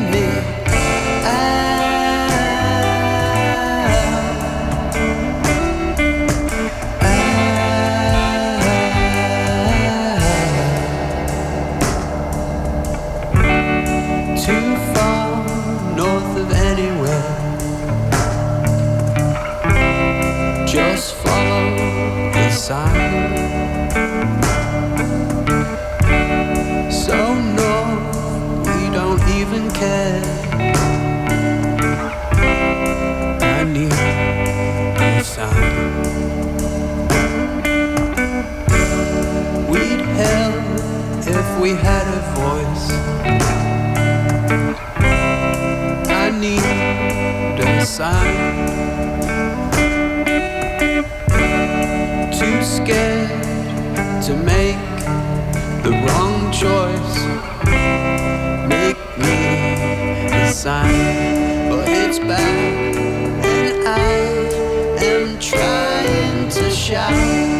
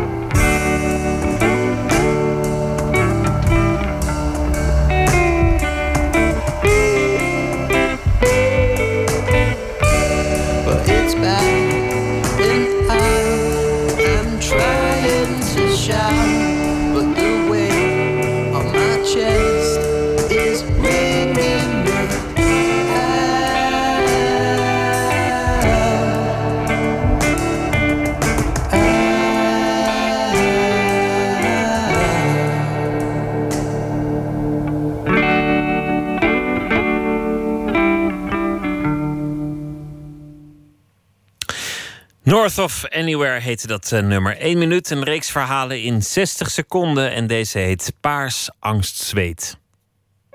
Pst, 1 minuut.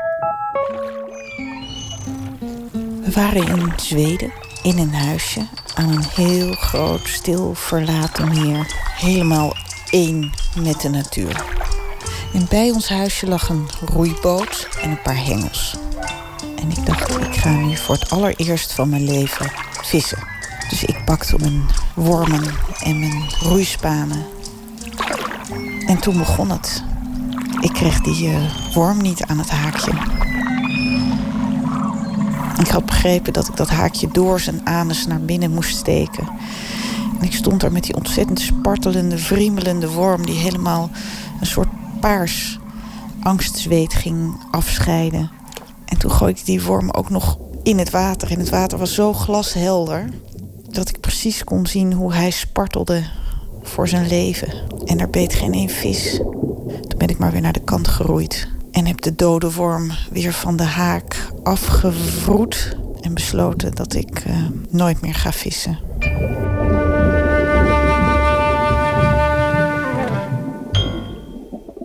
Eén minuut gemaakt door Stef Visjager.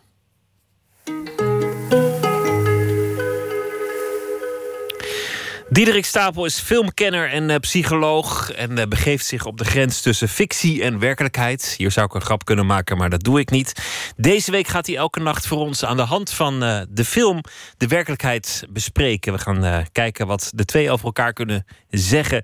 Diederik, goeienacht. Goeienacht, Pieter. Een nieuwe rubriek, een nieuw iets in dit programma. Jij als filmkenner en uh, verteller van verhalen gaat kijken naar de werkelijkheid aan de hand van films. Ik ben heel Mhm. benieuwd uh, waar je vandaag mee komt. Wat is het? Uh, ja, dat gaan we zo horen. Ik, ik heb iets gemaakt. Het was best spannend natuurlijk. Een nieuwe opdracht. Ehm, het is vandaag vooral de film zit aan het einde. Dus het gaat echt over de werkelijkheid. Het gaat vandaag over mijn dochter. Die gaat studeren in Amsterdam.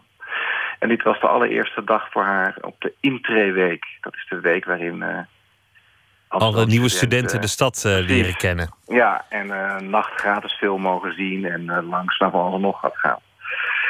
En ja, als, als vader maak ik me dan natuurlijk best zorgen dat het allemaal wel goed komt. Dus, en dat deed mij aan een film denken waar dat allemaal verschrikkelijk uit de hand loopt. Ja.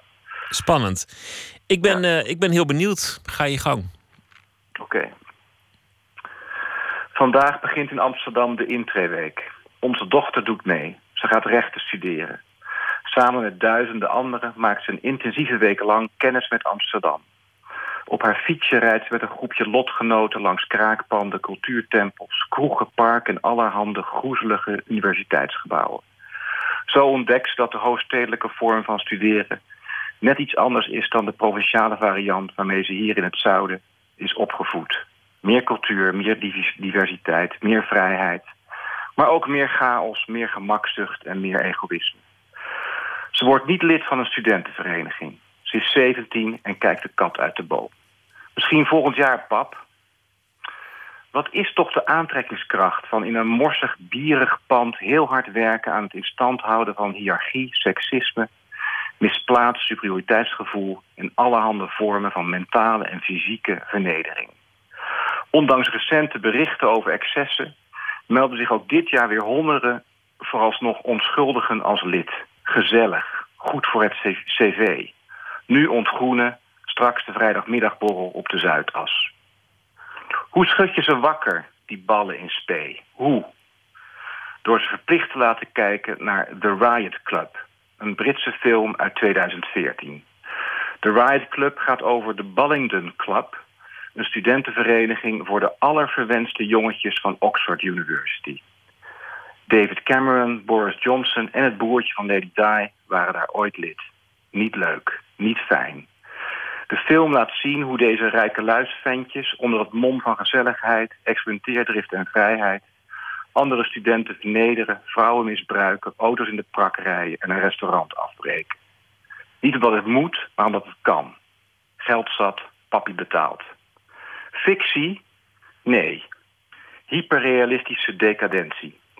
Ik heb zelf in Amsterdam gestudeerd en was lid van het ASC, het Amsterdamse Studentenkoor. De Riot Club is de gewoonste zaak van de wereld. Ik ga hem samen met mijn dochter nog eens kijken, als medicijn. Een film die uh, de jongeren kan behoeden van de, de gruwelen van de ontgroening. Had ik niet gedacht dat jij ooit lid van het koor zou zijn geweest. Nee, nee dat verbaast nee. me. Ja, dat is heel vaak zo dat mensen dat uh, helemaal niet uh, achter mij zoeken. Of dat is natuurlijk grappig, want dat is natuurlijk een enorm vooroordeel. Maar ik ben inderdaad een Amsterdamse koorbal. En ik heb dat ook best wel met... Ik heb, die, ik heb daar goede herinneringen aan. Maar ik kijk daar toch nu ook wel in schaamte naar terug, hoor. Ik, ik, die Riot Club gaat dus echt over jongetjes die zich verschrikkelijk misdragen. En dat is een hele excessieve vorm. Ja, maar al die dingen, die gebeuren gewoon. En dat seksisme, dat, dat, dat, dat gebrek aan uh, gelijkwaardigheid, dat superioriteitsgevoel, het idee dat je er echt toe gaat doen... dat herinner ik mij wel en dat is niet goed en dat is niet leuk en dat is niet fijn. En wat ik me vooral verbazingwekkend vind is dat dat nog steeds zo is... en dat daar maar geen verandering in komt. En dat dat nog steeds een beetje in die contrai een beetje wordt goed gepraat van ach en wee. En het is wat allemaal niet... Het valt er wel mee en uh, in het gewone uitgangsleven gaan ook wel dingen fout. Het wordt altijd, ja, een bangerlijstje ach, ze zijn jong en uh, je, ja, je, je, hoort het altijd. Heb, heb jij dan ook een, een ontgroening doorstaan? Ja, ik heb ook een ontgroening doorstaan. En ik was lid van een, uh, een letterkundig dispuutgezelschap. Dus die ontgroening ging vooral over cultuur en heel veel boeken lezen en, en verhaaltjes maken. En was het allemaal niet heel fysiek. Was, was best wel leuk en speels. Maar ik weet ook dat een paar huizen verder in een ander dispuut het toch allemaal wat uh, fysieker uh, eraan toe ging. En ik weet niet, ik ben gewoon natuurlijk een oude man. Ik was toen 18, 19 en nu ben ik 50. En ik, ik kijk daar toch uh, niet met weemoed, maar toch wel met afschuw naar terug. Ik vind het echt... Uh, ik, ik, ik, hoop dat onze dochter... Uh, anders kiest. Ja. Anders kiest. Ja, dat ze lekker gaat roeien of, of, of hockeyen of, of, of boeken gaat lezen met anderen. Ik weet niet. Dat hoop ik. Want... Maar goed, de afgelopen maanden was het ook erg het nieuws. Hè? Die studentenverenigingen die er toch weer een ontzettende puinhoop van hadden gemaakt. En als je dan de ingezonden brieven leest in, NRC, in de NRC van uh, ex-leden die hun vereniging verdedigen, ja, dat is, dat, is, dat is decadent. Dat is gewoon decadent. En de gedachte dat alles een grap is, die koorballen zich eigen maken, die zie je ook vaak. Dat het is en dat je niet zo serieus moet nemen. Dat, dat zie je bij mensen als Boris Johnson in Engeland en bij, bij tal van uh, bestuurders in Nederland ook. Alles is een grap, alles, uh, alles komt goed. Ja, precies. Boris Johnson is daar natuurlijk het ultieme voorbeeld van. En die was dus ook lid van deze vreselijke uh, club. Waar, waar, die film over gaat. En die doet nog steeds dat alles een spel is. En ja, die stort zijn land in de vernieling. Het geheim. En het, is, het is één groot geintje. Extreme gevolgen, ja. Noem nog één keer de titel van, uh, van de film, uh, Diederik. The Riot Club. The Riot Club. Mooie film om nog eens uh, te zien. Diederik Stapel, ja, dank je wel. Oké, okay, dank je wel. En tot morgen. Goeienacht. Oh, goedenacht, Pieter. Doeg.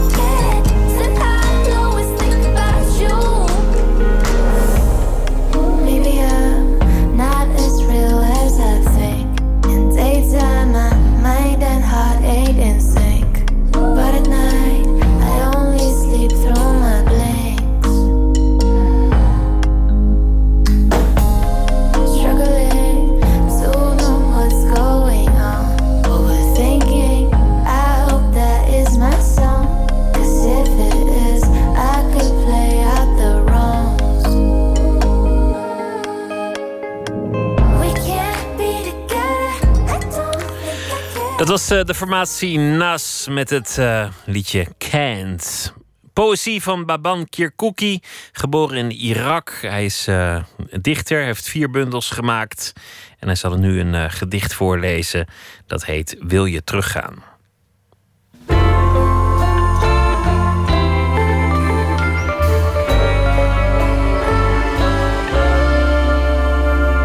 Wil je teruggaan?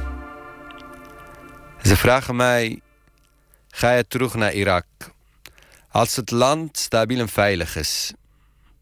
Ik antwoord: als ik ooit naar de baarmoeder terug zou gaan, zal ik geen asiel aanvragen en geen vlucht voor mijn ziel kiezen.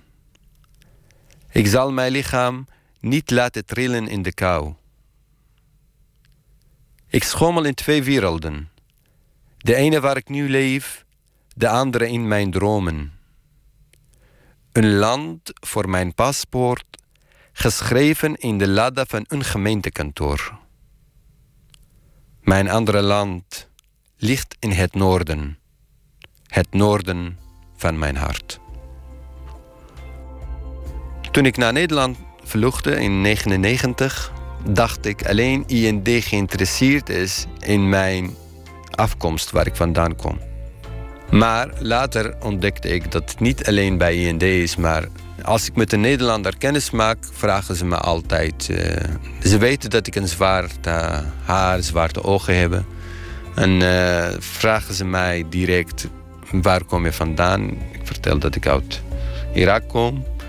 En dan zijn ze altijd nieuwsgierig of ik ooit terug wil gaan. Ik dacht, jeetje, dit Nederlanders geven mij een heel goede inspiratie. En toen ik die vraag heb omgezet in het gedicht die heet Wil je teruggaan? Wil je teruggaan? Ze vragen mij, ga je terug naar Irak als het land veilig is? Ik antwoord, als ik ooit terug naar de baarmoeder zou gaan, zal ik geen asiel aanvragen en geen vlucht voor mijn ziel kiezen. Ik zal mijn lichaam niet laten trillen in de kou. Ik schommel in twee werelden. De ene waar ik nu leef, de andere in mijn dromen. Een land voor mijn paspoort, geschreven in de ladder van een gemeentekantoor. Mijn andere land ligt in het noorden, het noorden van mijn hart. Baban Kirkuki was dat. En morgen in Nooit meer slapen komt uh, striptekenaar en illustrator Tae Chong King op bezoek. Voor nu een hele goede nacht.